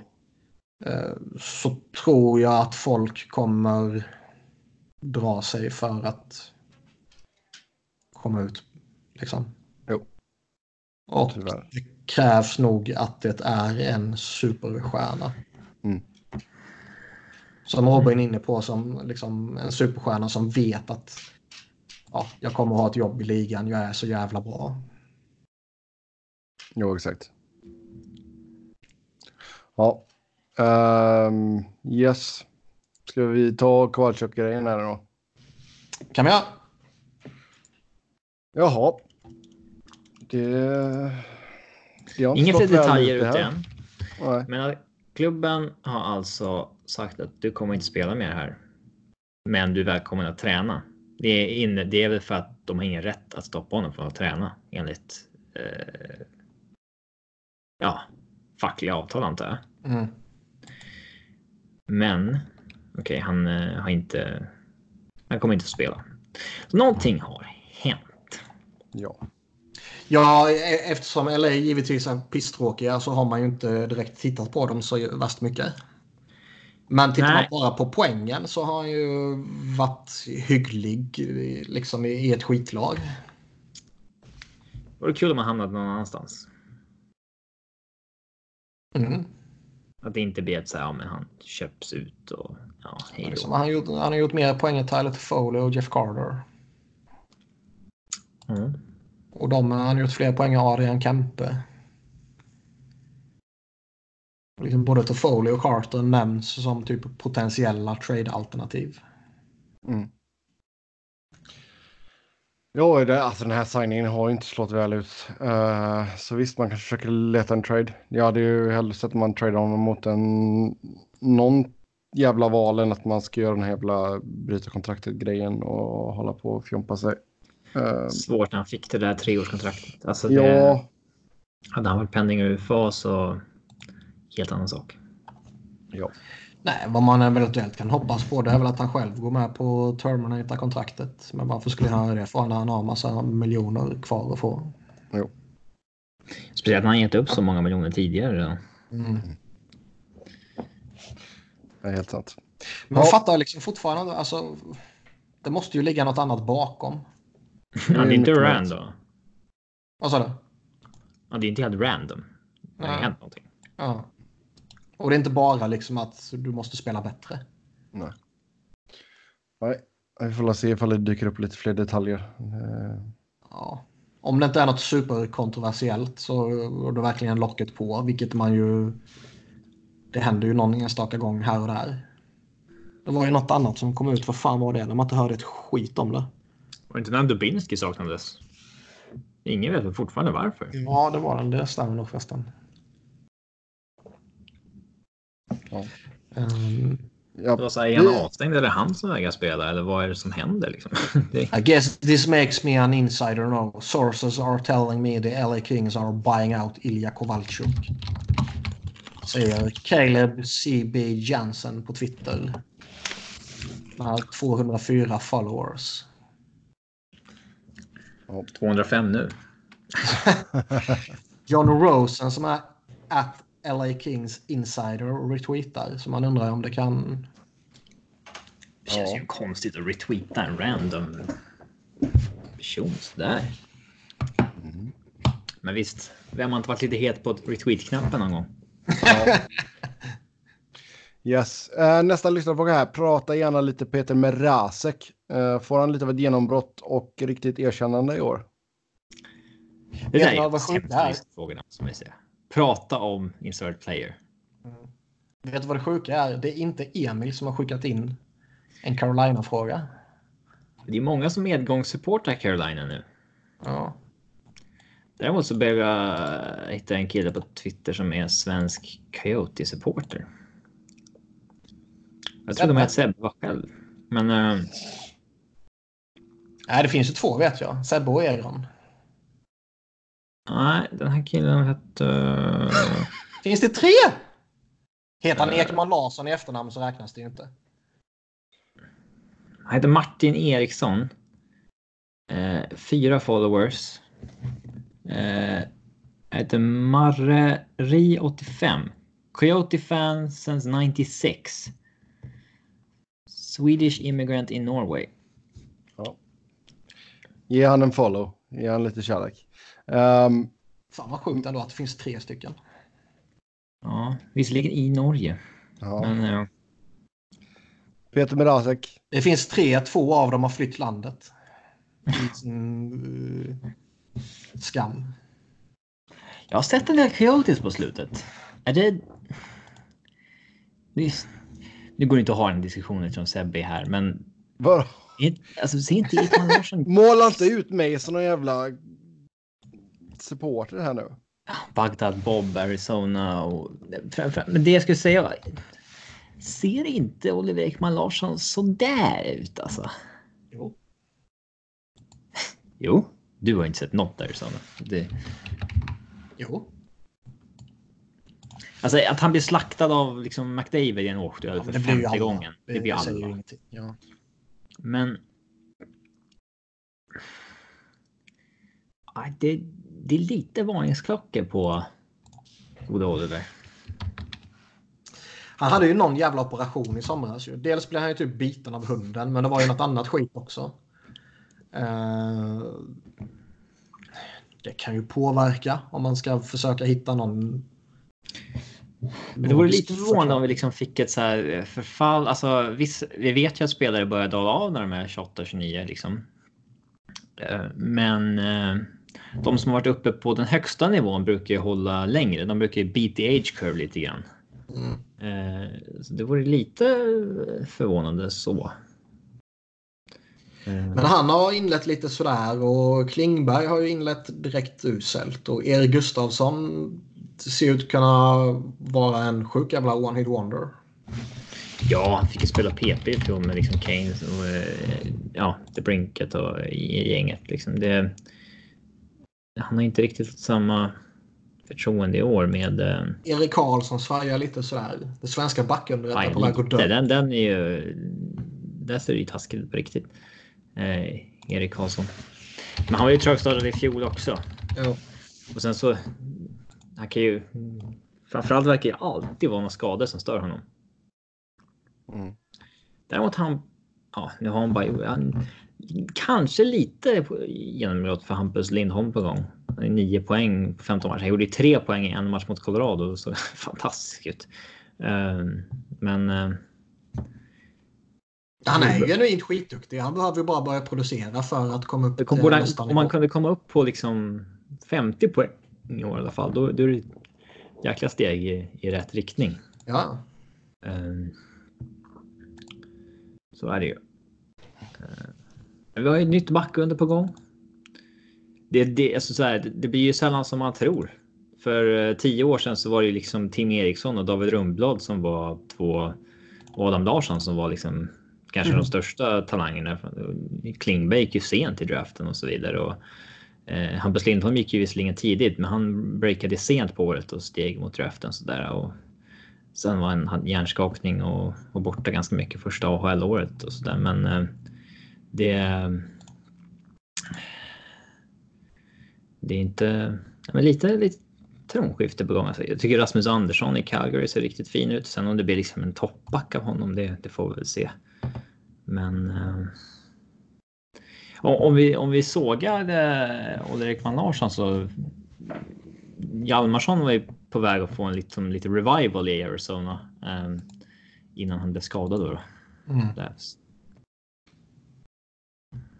Mm. Sen är ju Rasmus Dahlin såklart jättebra och det är oerhört konstigt att uh, Buffalo spelar honom som om han vore, inte vet jag, deras tredje, fjärde bästa back. Han är slut som artist. Mm. Ja, vi får väl se ifall uh, de får fason på grejerna. De som kanske inte har. Eh, vet du vem Igor Erenko är? Ja. Han skriver på Twitter att han hörde samma sak för tre timmar sedan. Att det är Omsk Avantgarde i KHL som är intresserade av Kovacak tillbaka till öst. Om du hörde det för tre timmar sedan, varför twittrade du inte ut det för tre timmar sedan då? Han skriver Heard the same three hours ago that Omsk Avantgarde could be interested in bringing Kovacak back in Russia, but couldn't believe it.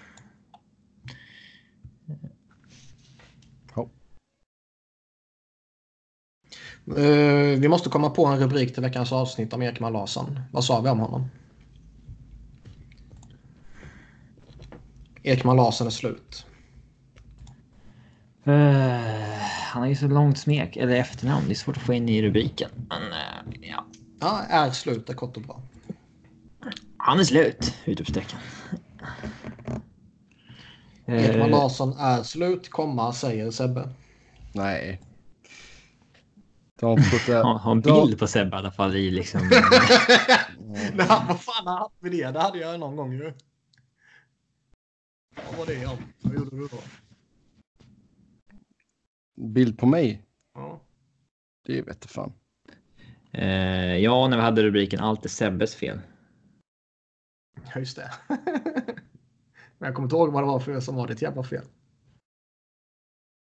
Nej, inte jag heller.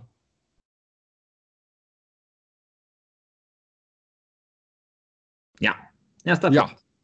Nästa punkt. Ja, säger till och med fri ifrån här. Uh, hur firar ni femårsdagen när Lisa Ann hängde ut Michael Del Soto? Du hoppar över en riktig punkt och tar den. Det är helt ja. otroligt. jag är chockad att du tog den här. Känns som en fråga du inte skulle uh, tolerera. Det var väl inget fel på den där. Jag tycker den var ganska rolig. Ja, det är i alla fall fascinerande att den karriären har fått ett sånt liksom eh, eh, tapp. Snackar du om Michael Del Soro eller Lisa Ann? Jag försökte göra det lite oklart vem jag menade, men liksom Del Sotto var ju. Han var liksom en eh, respekterad topp 4 back som inledde kanonbra i Rangers liksom som 21, 22, 23 åring. Och liksom, ja, första säsongen i Flyers, en halv poäng per match och så vidare. Men vad är det i hans spel som gjorde att han liksom inte... i Flyers. Va?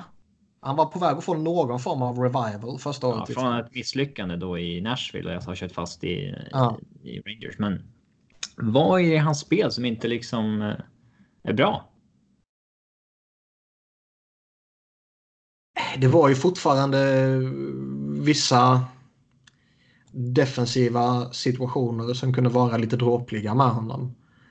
Um, och det finns ju den här...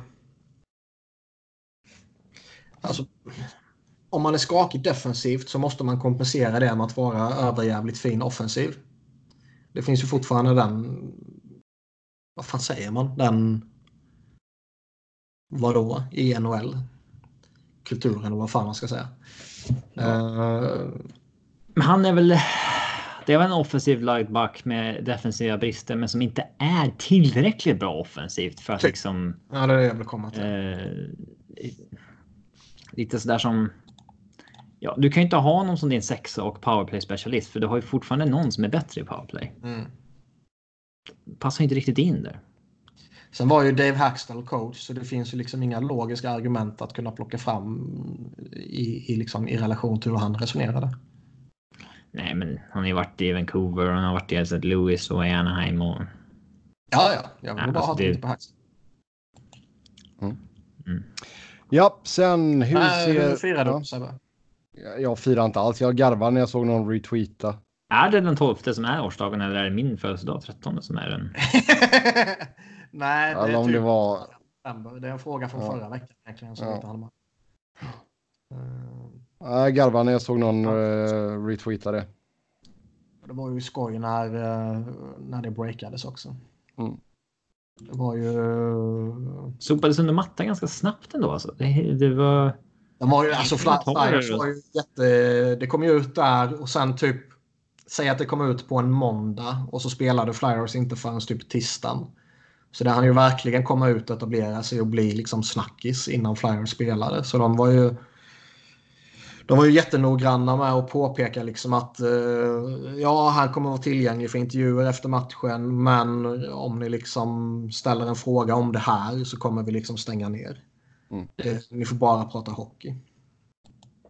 Eh, men det känns ju som att tal om vad vi pratade om nyss i liksom jargong i omklädningsrum. Ja, där har jag fått höra. Ja, har han fått höra. Och på isen och på isen. Eh, men en sån här sak kanske man kan... Det, det, det kanske man liksom kan koppla bort ute på isen. Men det kan nog bli en annan grej i, i omklädningsrummet. Eh, tror jag. Det var, jag läste en, eh, jag fick tips om en tweet här av Patrik Hansen. Eh, man visste vilken DM hade så han kanske inte ville ta det öppet men får skylla sig själv. Eh, att, eh, ja, Elliot Friedmans inlägg här om Kovacak och eh, det är någon som frågar kan can the Canucks do the same with Louis? Det är en kille som säger they still have to pay him.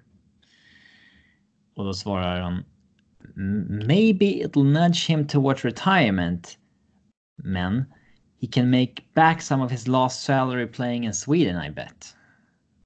Att, eh, Louis har alltså 13 miljoner dollar kvar på kontraktet. Ja.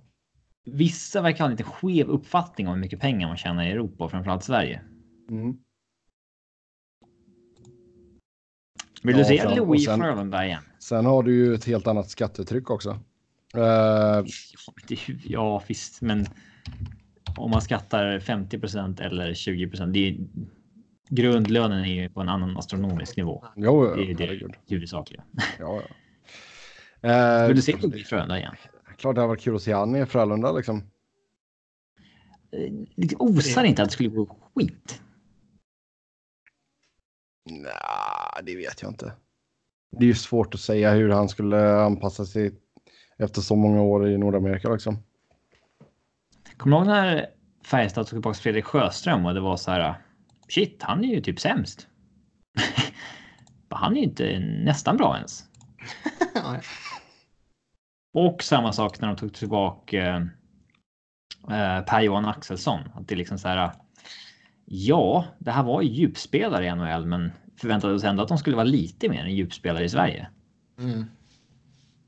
Att liksom Pebben snittar 15 poäng per säsong i fyra år i Frölunda. Det är liksom inte vad man förväntar sig kanske när någon Nej. kommer från NHL. Och Fredrik Schönström hade ju noll offensiv. Noll. Ja, Louis har ju ja, ramlat av en klippa så att säga.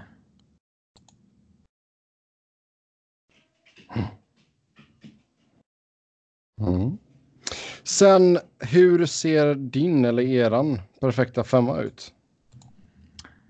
Jo, Och då ska vi alltså ta eh, vem som helst som spelar i NHL just nu, men vi ska tänka på kemi, offensiv samt defensiv styrka.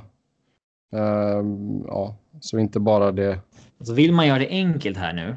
Vill Mm. du ha den ultimata kemin och de ultimata styrkorna. Då tar du Ja. bara Bostons första kedja rakt av. Ja, Men det borde ju gå att hitta bättre. Ja, det är klart. det är klart. Eh, Claude Giroux, Conor McDavid, James Neal. varför James Neal? För att jag försökte vara rolig, men det framgick inte. Ja, men då kan man diskutera så där att om du har Conor McDavid som center. Vill du liksom ha McKinnon på en vinge då? Eller, liksom, Travis Konechny. eller vill du ha Det räcker med en pucktransportör så att säga. Jag är svårt att säga att det skulle bli dåligt. Men... Hur, hur, resonerar man om man ska sätta ihop den bästa kedjan med Conor McDavid? Måste man ha två jävla speedkulor? Ja, jag tror inte att det är ett Alltså det är i alla fall en fördel om någon kan åka med i hyfsad takt. Ja. Vi har ju sett det nu när uh, uh, Rantanen och Landeskog har ju saknats i Colorado och de har haft lite problem att eh, hitta de som passar bäst med McKinnon. De spelade ju Kadri på en vinge där ett tag som vi diskuterade och sen så spelade de JT Confer liksom. Och de insåg att nej, eh, vi sätter upp Matt Nieto och Matt Calvert som egentligen är deras fjärde line wingers, men de har i alla fall farten att kunna hänga med. Eh, och att McKinnon bär ju all puck själv, så de behöver ju bara åka runt och vara buffliga och störta mot kassen av sig och det har funkat mycket bättre. Eh, så att ja, jag, jag lutar väl på att man lutar väl åt att man ska ha någon som i alla fall kan hänga med. All, alla vi är eniga om att det är McDavid som blir center, så att hela diskussionen blir ju vilka skulle vara den ultimata eh, kedjekamraterna för honom. Mm. McKinnon på högerkanten känns ju... Ja, för blir man stoppad i neutral zon och bara kan skicka pucken i sidled till en annan så kommer ju samma fart igenom. Du kommer ju, varenda entry kommer ju vara kontrollerad. Mm. Mm. Och då, då, skulle man väl vilja ha en nasty jävla left-winger som kan det mesta egentligen. Skjuta, passa och grisa. Och jag landar väl lite i Matthew Ketchuk kanske. Han är bättre än vad vi... Jag, menar, jag kommer ihåg att vi... När vi pratade om honom i somras att uh, det passar egentligen ganska bra att ta treårskontrakt och kanske inte gå på långa kontraktet direkt med Kachuk. Men det borde de ha gjort, säger jag nu. Eh, Eh, backa på den. Han hade passat perfekt för han, han kan det mesta och har bidrar med element som inte McKinnon eller eh, McDavid har. Jag kommer inte säga en enda annan left-winger utöver Claude Giroux såklart. Ja, så nu skulle vi komponera den bästa kedjan rent eh, kemiskt. Den perfekta, inte den bästa. Ja. Frågan var ju ställd utifrån bäst kemi. Inte våra jävla favoriter på varje position. Nej, men eh, jag kommer säga Claude. Och vi måste ju inte enas om en femma känner jag. Vi kan ju faktiskt säga våra egna. Ja, visst. Men jag tror väl alla är väl, kommer väl sätta McDavid. Ja. ja. Skulle man tvingas ta ut en till att... kedja där det är... Eh... Som man inte får vara snabb i. eh, skulle, man, skulle det vara första kedjan så säger man till den andra kedjan, då skulle jag väl ta typ den mest hårt jobbande jävla kedjan du kan hitta. Och då skulle det vara Marchand och Bergeron på varsin vinge och Sidney Crosby som center.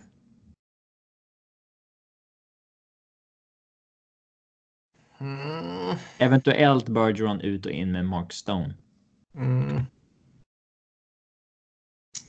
Uh, vi har ändå satt ihop en topp 6 nu utan Ovechkin. Ja, men han kan gå som back tänker jag. ja, men alltså Ovechkin är ju uh, the greatest left wing of all time, men uh, 2019 så kanske du kan hitta en bättre um, mer mångsidig spelare. Vi har inte ens nämnt Dreisaitl. Nej, men han förtjänar inte att nämnas heller. Kanske, kanske inte. Nej.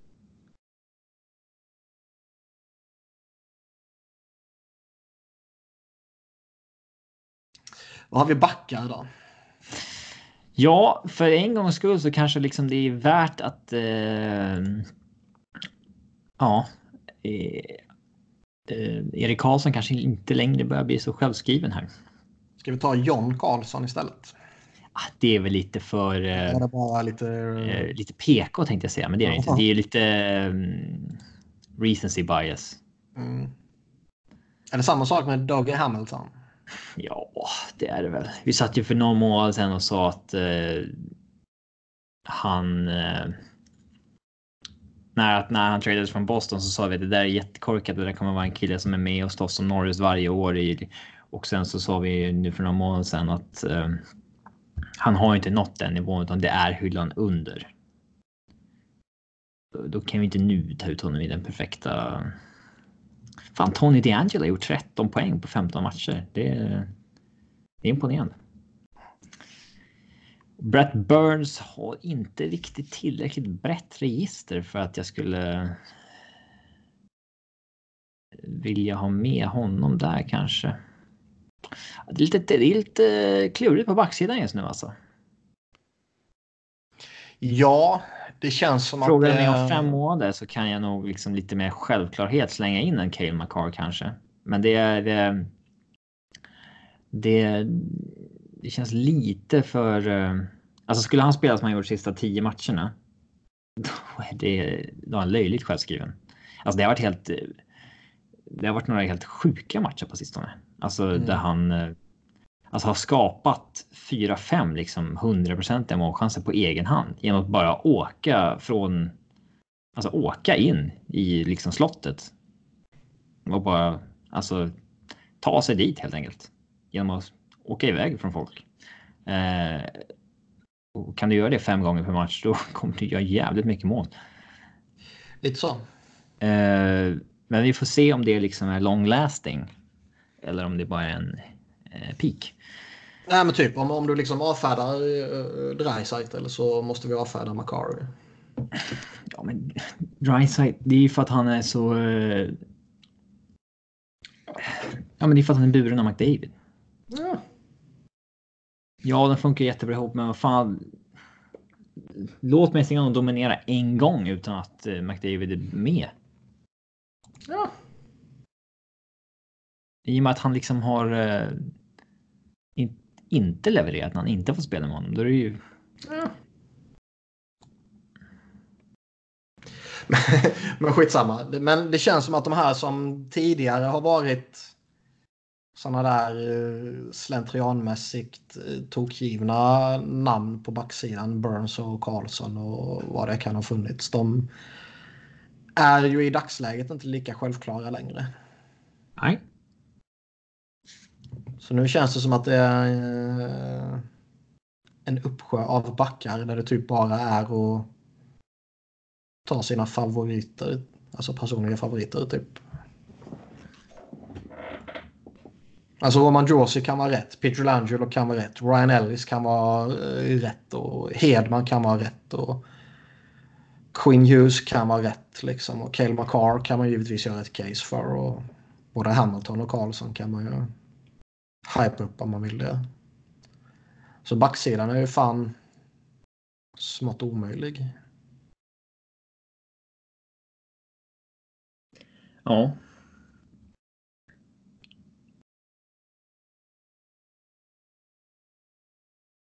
Jag vill nog ändå sätta Hedman på en av platserna. Ja, med Oliver eller? Nej, jag tror uh, Drew Doughty hade nog passat bra in i laget. Nej, men jag tror, uh, ja, vem hade funkat bra där? Det är svårt att typ försöka gissa hur bra kemi folk skulle ha också med varandra. Um, Det finns ju oavsett vilket namn man säger så finns det ganska många argument emot. mm. Mm. Jag skulle kunna lyfta Ryan Suter, men det finns ju kanske fem sex backar som är bättre. Ivan Provorov. Det finns ju klara brister att påpeka också liksom. Ja, men han har varit uh, genuint duktig den här säsongen. Ja, Vad fan är ens med Ghost egentligen? Han gör inte skit. Nej, jag vet fan. Där Det är man orolig alltså. det var ju bara boostad av uh, Hackstalls eh, eh, coaching. ja. Nej, men där är man lite... Han fick ju ut mycket spelare som andra inte kan. Men det är ju... Det är ju inte bara produktionen som ser halvdan ut. Eller är usel.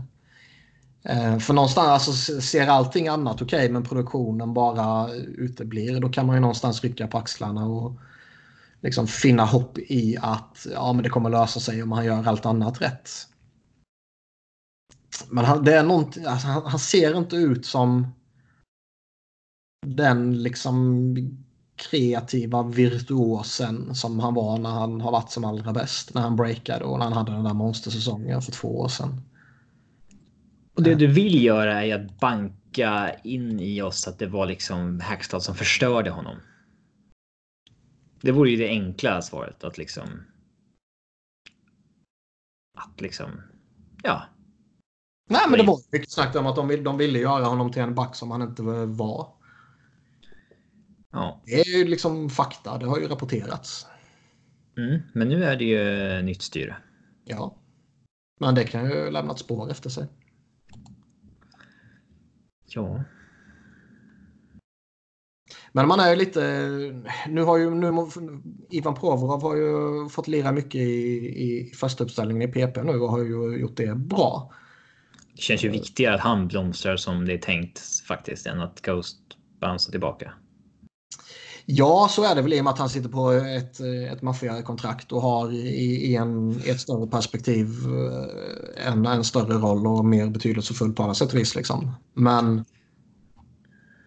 det som Ghost kunde bidra med, i synnerhet som PP-specialist, eh, är ju nivåer som Provorov ännu inte har nått. Är det lite Del Sotto-varning över Ghost?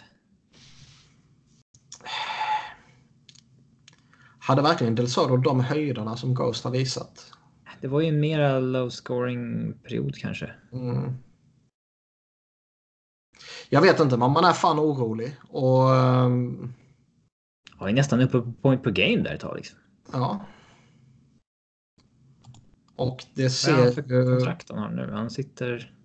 4,5 i ytterligare några år. Ja, okay. Det kommer inte vara ett problem oavsett vad. Nej, nej, nej, verkligen inte. Men det känns, bara, alltså, det, det, känns mycket väl som att om, om, han inte får ordning på det här så kan det mycket väl komma en trade. Och... Um, oj, oj, oj.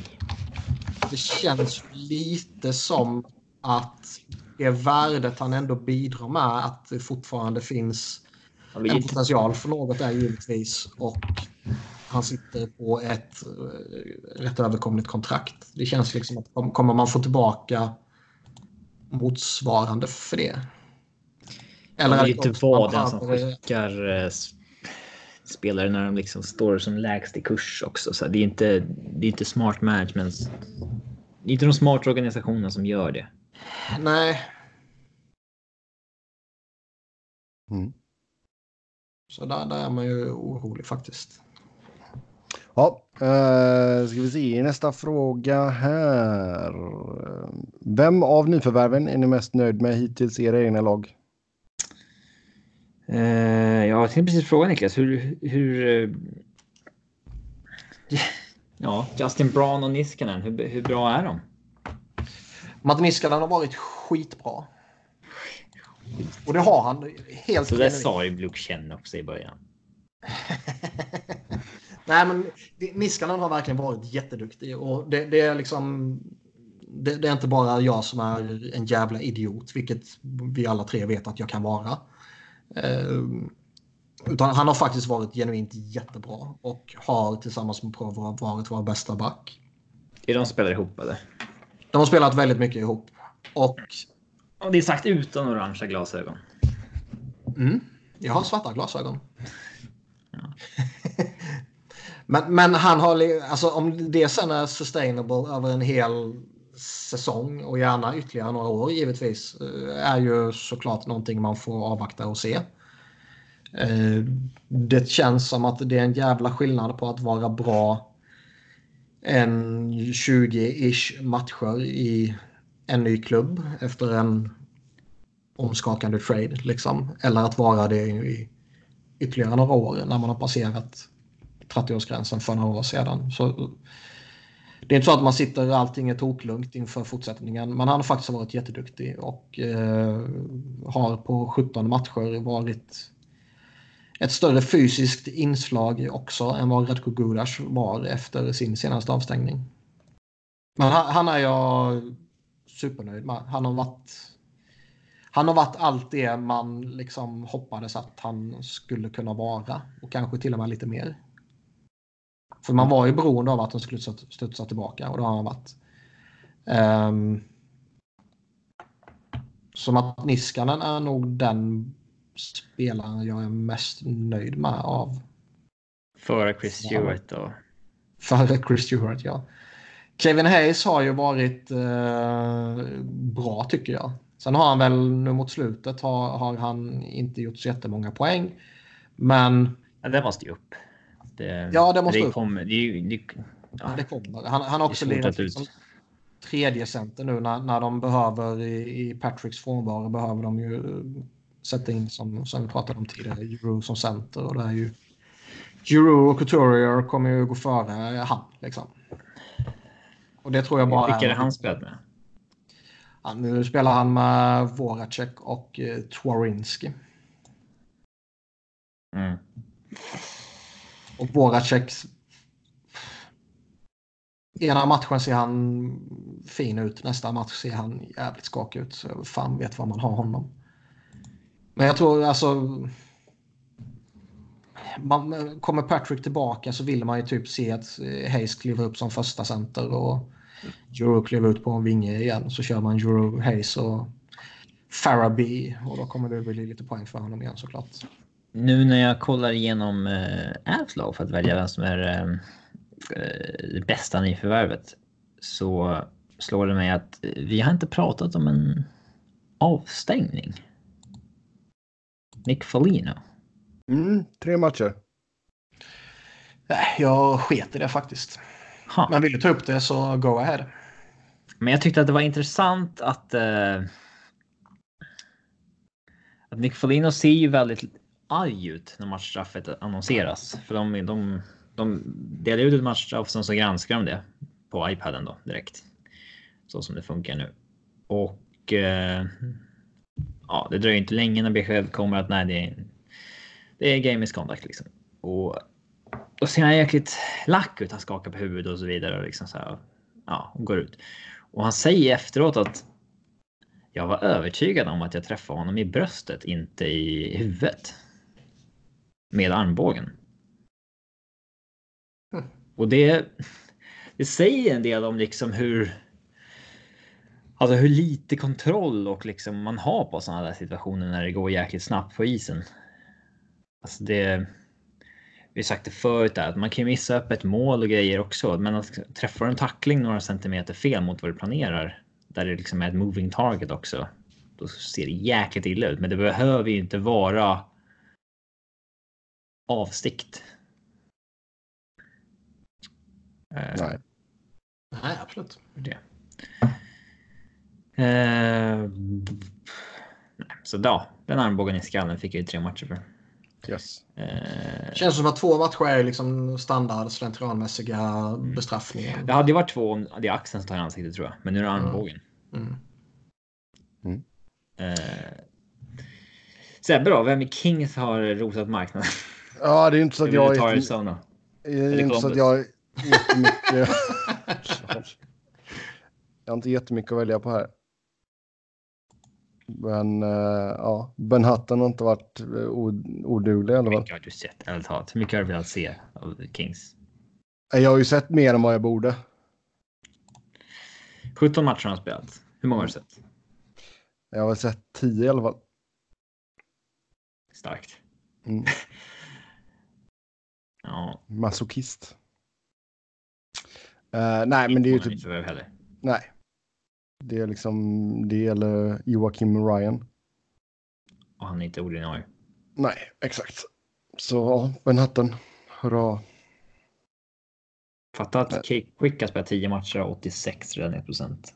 Roll against mm. average på 4,26. Mm. Jack Campbell ligger också under 90. Och det, det är jobbigt att vara dåliga och ha dåligt många spel. Ja. Då vinner man inte mycket hockeymatcher. Nej, verkligen inte. Uh, i Arizona då.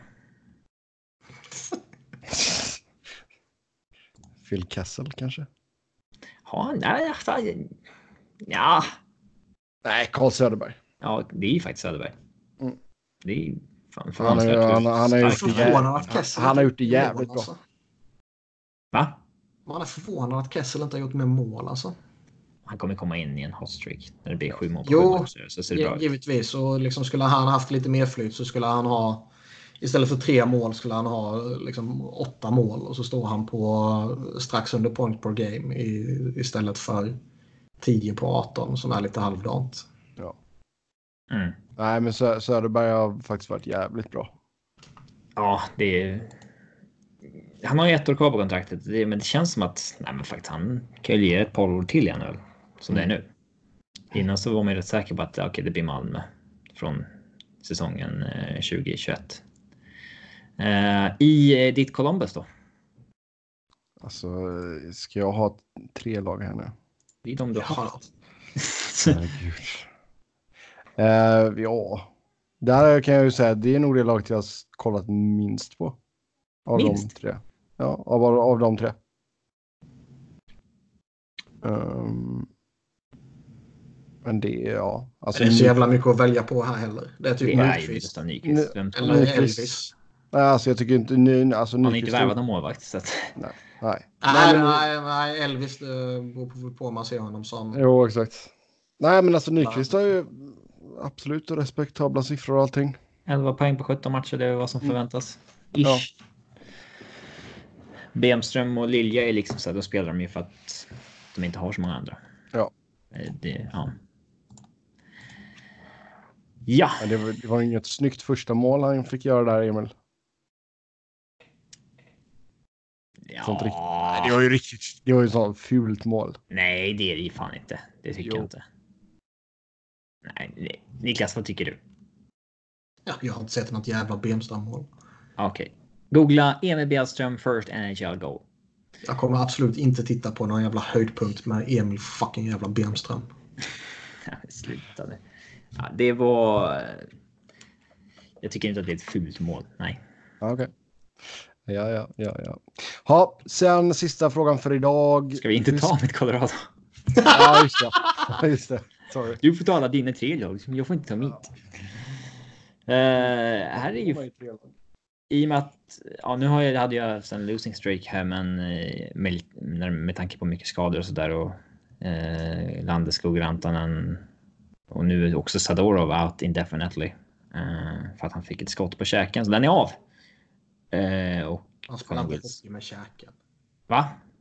Han spelar inte hockey med käken. Nej, han tränar ju dagen efter. Ja. skating, men tacklar jag honom inte tack liksom. Eh, men det, det var en jäkligt konstig situation för han får liksom en, eh, inte ett skott, men en, skicka in en puck i zon på käken liksom. Och han går ner på isen, ligger kvar. Och spelet rullar vidare. Han inser det. Kommer upp efter fem sekunder, spelar vidare och kommentatorerna säger att vad konstigt att de inte blåser av för han blöder i ansiktet. Liksom. Eh, och till slut är det ju då han som rensar ur pucken i zon och åker och byter. Samtidigt som man ser på reprisen att det, det rinner ju blod i ansiktet på honom. Och det, det var Det, lite konstigt. alltså, ja. Nå- Någonstans kan man ju förstå att eh, de bara spelar vidare om man liksom inte kan se att det är någonting. Men när man kan se att en spelare är helt jävla utslagen eller att det fossar blod, att man då väljer att spela vidare. Det är Jag kan tycka att om, om, någon, om man ser att någon får en puck i ansiktet och går omkull. Då tycker jag man ska blåsa på sekunden faktiskt. Mm. Eh, o- oavsett om det är ett skott eller om det är... Eh, ja. Eh, men här, det är faktiskt ganska mördande konkurrens här. Eh, Burakovsky som förväntat ungefär 12 poäng på 17 matcher. Eller det är mycket bättre än vad han hade i Washington, men det är ungefär där liksom det tempot han ska hålla. Eh, Donsk har gjort 8 mål på 17 matcher. Mycket bra. Eh, Belmar har spelat fjärde center, gjort 7 poäng på 17 matcher. Eh, och allmänt otroligt uppskattad såklart. Som han alltid är överallt.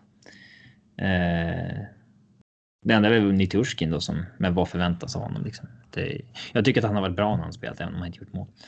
Eh, ska jag välja den som har varit bäst så landar jag nog i... Kadri. Man, man förväntar sig lite mer av Kadri kanske. Poäng. Mm. poäng men, ja. men det har varit lite svårt det med skadorna att de har skickats runt i line-upen hit och dit. Så där. Eh, men eh, bäst. Det som, ja, det, jag säger väl kanske Burakovsky. Det var väl viktigast att han inte liksom höll en jävla 25 poängs tempotakt här i början. Utan att man faktiskt såg, för de har investerat en del i honom liksom. Mm. Att, eh, ja, honom säger vi. Då tar vi sista frågan för idag. Beskriv era roller om ni hade lirat i NHL, även om Niklas kanske är lätt att klura ut. Niklas har helt bytt mentalitet och syn på Ja. hockey senaste åren. Han vill ju inte längre döda folk och sånt där. Jo, men kanske inte lika många som tidigare. Mm. Alltså jag kör väl kvar min som jag hade förra gången den här kom upp och det är ju att Jason LaBarbara liksom. Ja, det- vi har ju fått de här frågorna förr. Nu, Ja. Den men trötta liksom- andra målvakten. Ja, den här trötta andra målvakten som är extremt nöjd över att bara vara i NHL liksom. Jag skulle antingen, antingen skulle man vara en, eh, en, en, liksom en dålig, dålig Derek Engeland. Ehm, Jag tar Eller gärna... Dålig jag- Derek England. ja, Skillnad mot en bra Derek England som vi Ja. har. i- ja, exakt. Dålig version av Derek England. Ja, exakt. Vem är det? Ryan O'Byrne typ eller som gick till HV sen eller? ja, kanske.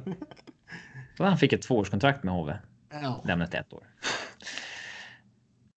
Ehm, eller så är man väl typ en dålig Sean Avery.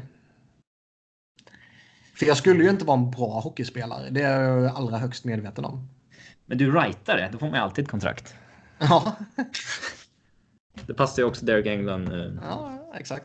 För det var ju grejen när han fick sitt eh, ja, treårskontrakt vad det var med Calgary. That's per year. Ja, Då The var Bob det ju- Fathers tweet är en av de bästa att- någonsin. Till och med Bob McKenzie som är så som- jätteproper och korrekt i allt han gör. Liksom till och med måste förtydliga en sån sak lite. Ja. Jag kommer ihåg när han var snett på det en gång, Bob McKenzie, när David Backey signade med Boston. Han sa att det är 6 miljoner, believe it's one year. Sen så bara, sorry, it's six years. Fuckade han inte upp eh, i Ginla också? Eller Va? var det någon annan? Vadå? I Ginla? Nej, han var den som, eh, han stod ju på sig och sa att nej, det här är, in, det är inte bekräftat än. Mm. Yet still unconfirmed. För jag antar att Bob jobbar så att okej, jag har fått det här. Jag vet ju att det stämmer, men. Innan en GM bekräftar det för mig off the record så går jag inte ut med det. Mm. Och eh, om en GM säger hörru, gå inte ut med den där. Då kanske han vet att, ah, okej. Eh, det var ju Aaron Ward som pumpade ut den. Så var det kanske. Jag kommer fan inte ihåg. Och eh, det fick han mycket skit för. Men liksom, här, det är rätt kul att. Eh, jag menar, vi som följer Premier League allihopa, hur ofta annonserar inte medier där hit och dit att spelare är alltså, i princip klara för vissa lag hur som helst. Och Ja, exakt. det är, vi är så jäkla vana med att eh, när hockeyreportrar i NHL rapporterar någonting så är det liksom sanning. Mm. Eh, att det någon gång blir fel. Och, för det, det, det var ju överenskommet. Så det, det var inte så att det var taget ur hatten. Liksom. Eh. Nej. Vilken spelartyp skulle jag vara? Jag kan gå tillbaka till mina fotbollsspelardagar. Eh, då var jag ju... Min Derek Engeland eh, spelartyp baserar jag ju på mina innebandyår. Mm, När jag var exakt den spelartypen. Innan jag blev eh, Patrick Roy för att vara målvakt var borta. Och så hoppade jag in och var så jävla bra målvakt. Jag var ju innebandytränare ett tag. Då eh, hoppade jag in och stod på några träningar sådär som tränarna får göra ibland. Och det, var, det var påfallande ofta som det var så här. eh, folk som sa att Hörru, varför? Eh, alltså, varför står du inte i mål? Alltså. Du Spela. menar att spelarna som vill ha mer speltid fjäskar för Ja, tränaren? exakt. Mm. Nej, eh, andra. Och bara, Åh, du tar allt. Eh, nej, men folk liksom runt i laget och sånt där. Eh, jag var ofta liksom som, som fotbollsspelare så jag, jag envis, envisades ju med att spela forward och eh, eh, jag var jättedålig på det. Alltså jag gjorde ingen mål alls. Eh, sen när man tvingade spela back någon gång för att farsan var tränare och stödde saknades backar. Så här, jo, du spelar back. Mm. Då var man liksom bäst på plan, men man ville spela en offensiv roll. Jag kunde ju förutse vad folk skulle göra hela tiden, hur lätt som helst. Tyckte ju typ att det var löjligt lätt att spela back. Alltså, ingen kom förbi en mot en, för jag visste exakt. Man såg exakt vad de skulle göra. Men sen så envisades jag ändå med att jag ville spela forward, vilket jag liksom inte alls hade talang för. Och eh, ska man översätta det till hockeyn. Så landar man väl kanske i någon form av offensivt eh, offensiv spelare, men som inte borde spela offensivt. Eh, jag tänker väl kanske de här typerna som eh, har okej okay points per 60.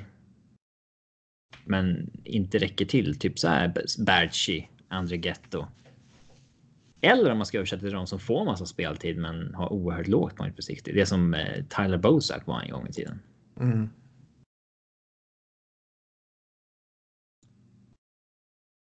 Mm. Eller någon som bara uh, insisterar på att spela på fel position. Ja, men fan, folk är ju så positionslåsta i hockeyn. Ja. Patrick Ross, Betty Barry som forward några matcher någon gång. Och vi har väl någon, det är väl Brandon Smith i Rangers som spelar lite forward där nu. Jo. Men det är väl för att de inte har så jävla många vettiga. Ja. Och de måste spendera hans fyra miljoner vad fan det är. Ja. Och sånt. Mm. Ja, då har vi det. Och som sagt, jag vill gärna vara bakom en målvakt som spelar typ 60-62 matcher också. Bara sitta och äta hotdog på bänken. Ja, sitta där med en god mössa och bara chilla. Ja, fint. Mm. Men det så tar vi tack och säger tack och hej för den här gången. Som vanligt kan ni köra hockey med oss via Twitter. Mig heter ni på ett Seb Noren. Niklas hittar ni på ett Niklas Wiberg. Niklas med Kings C. Wiberg med indeed been trying to move Kovalchuk recently and I'm told his agent is assisting in trying to facilitate a trade. Kovalchuk has a full no movement clause so he'll have a saying where he waves it to if a trade can be figured out. Mm. Det känns som att om det har gått så långt att det finns en KHL-klubb som är redo att ta över det och någon insider säger att man gör sig redo för utköp, då, då har det inte gått att hitta någonting. Nej. Mm. Och Robin hittar ni på R underscore Fredriksson. Tills nästa gång, ha det gött. Hej!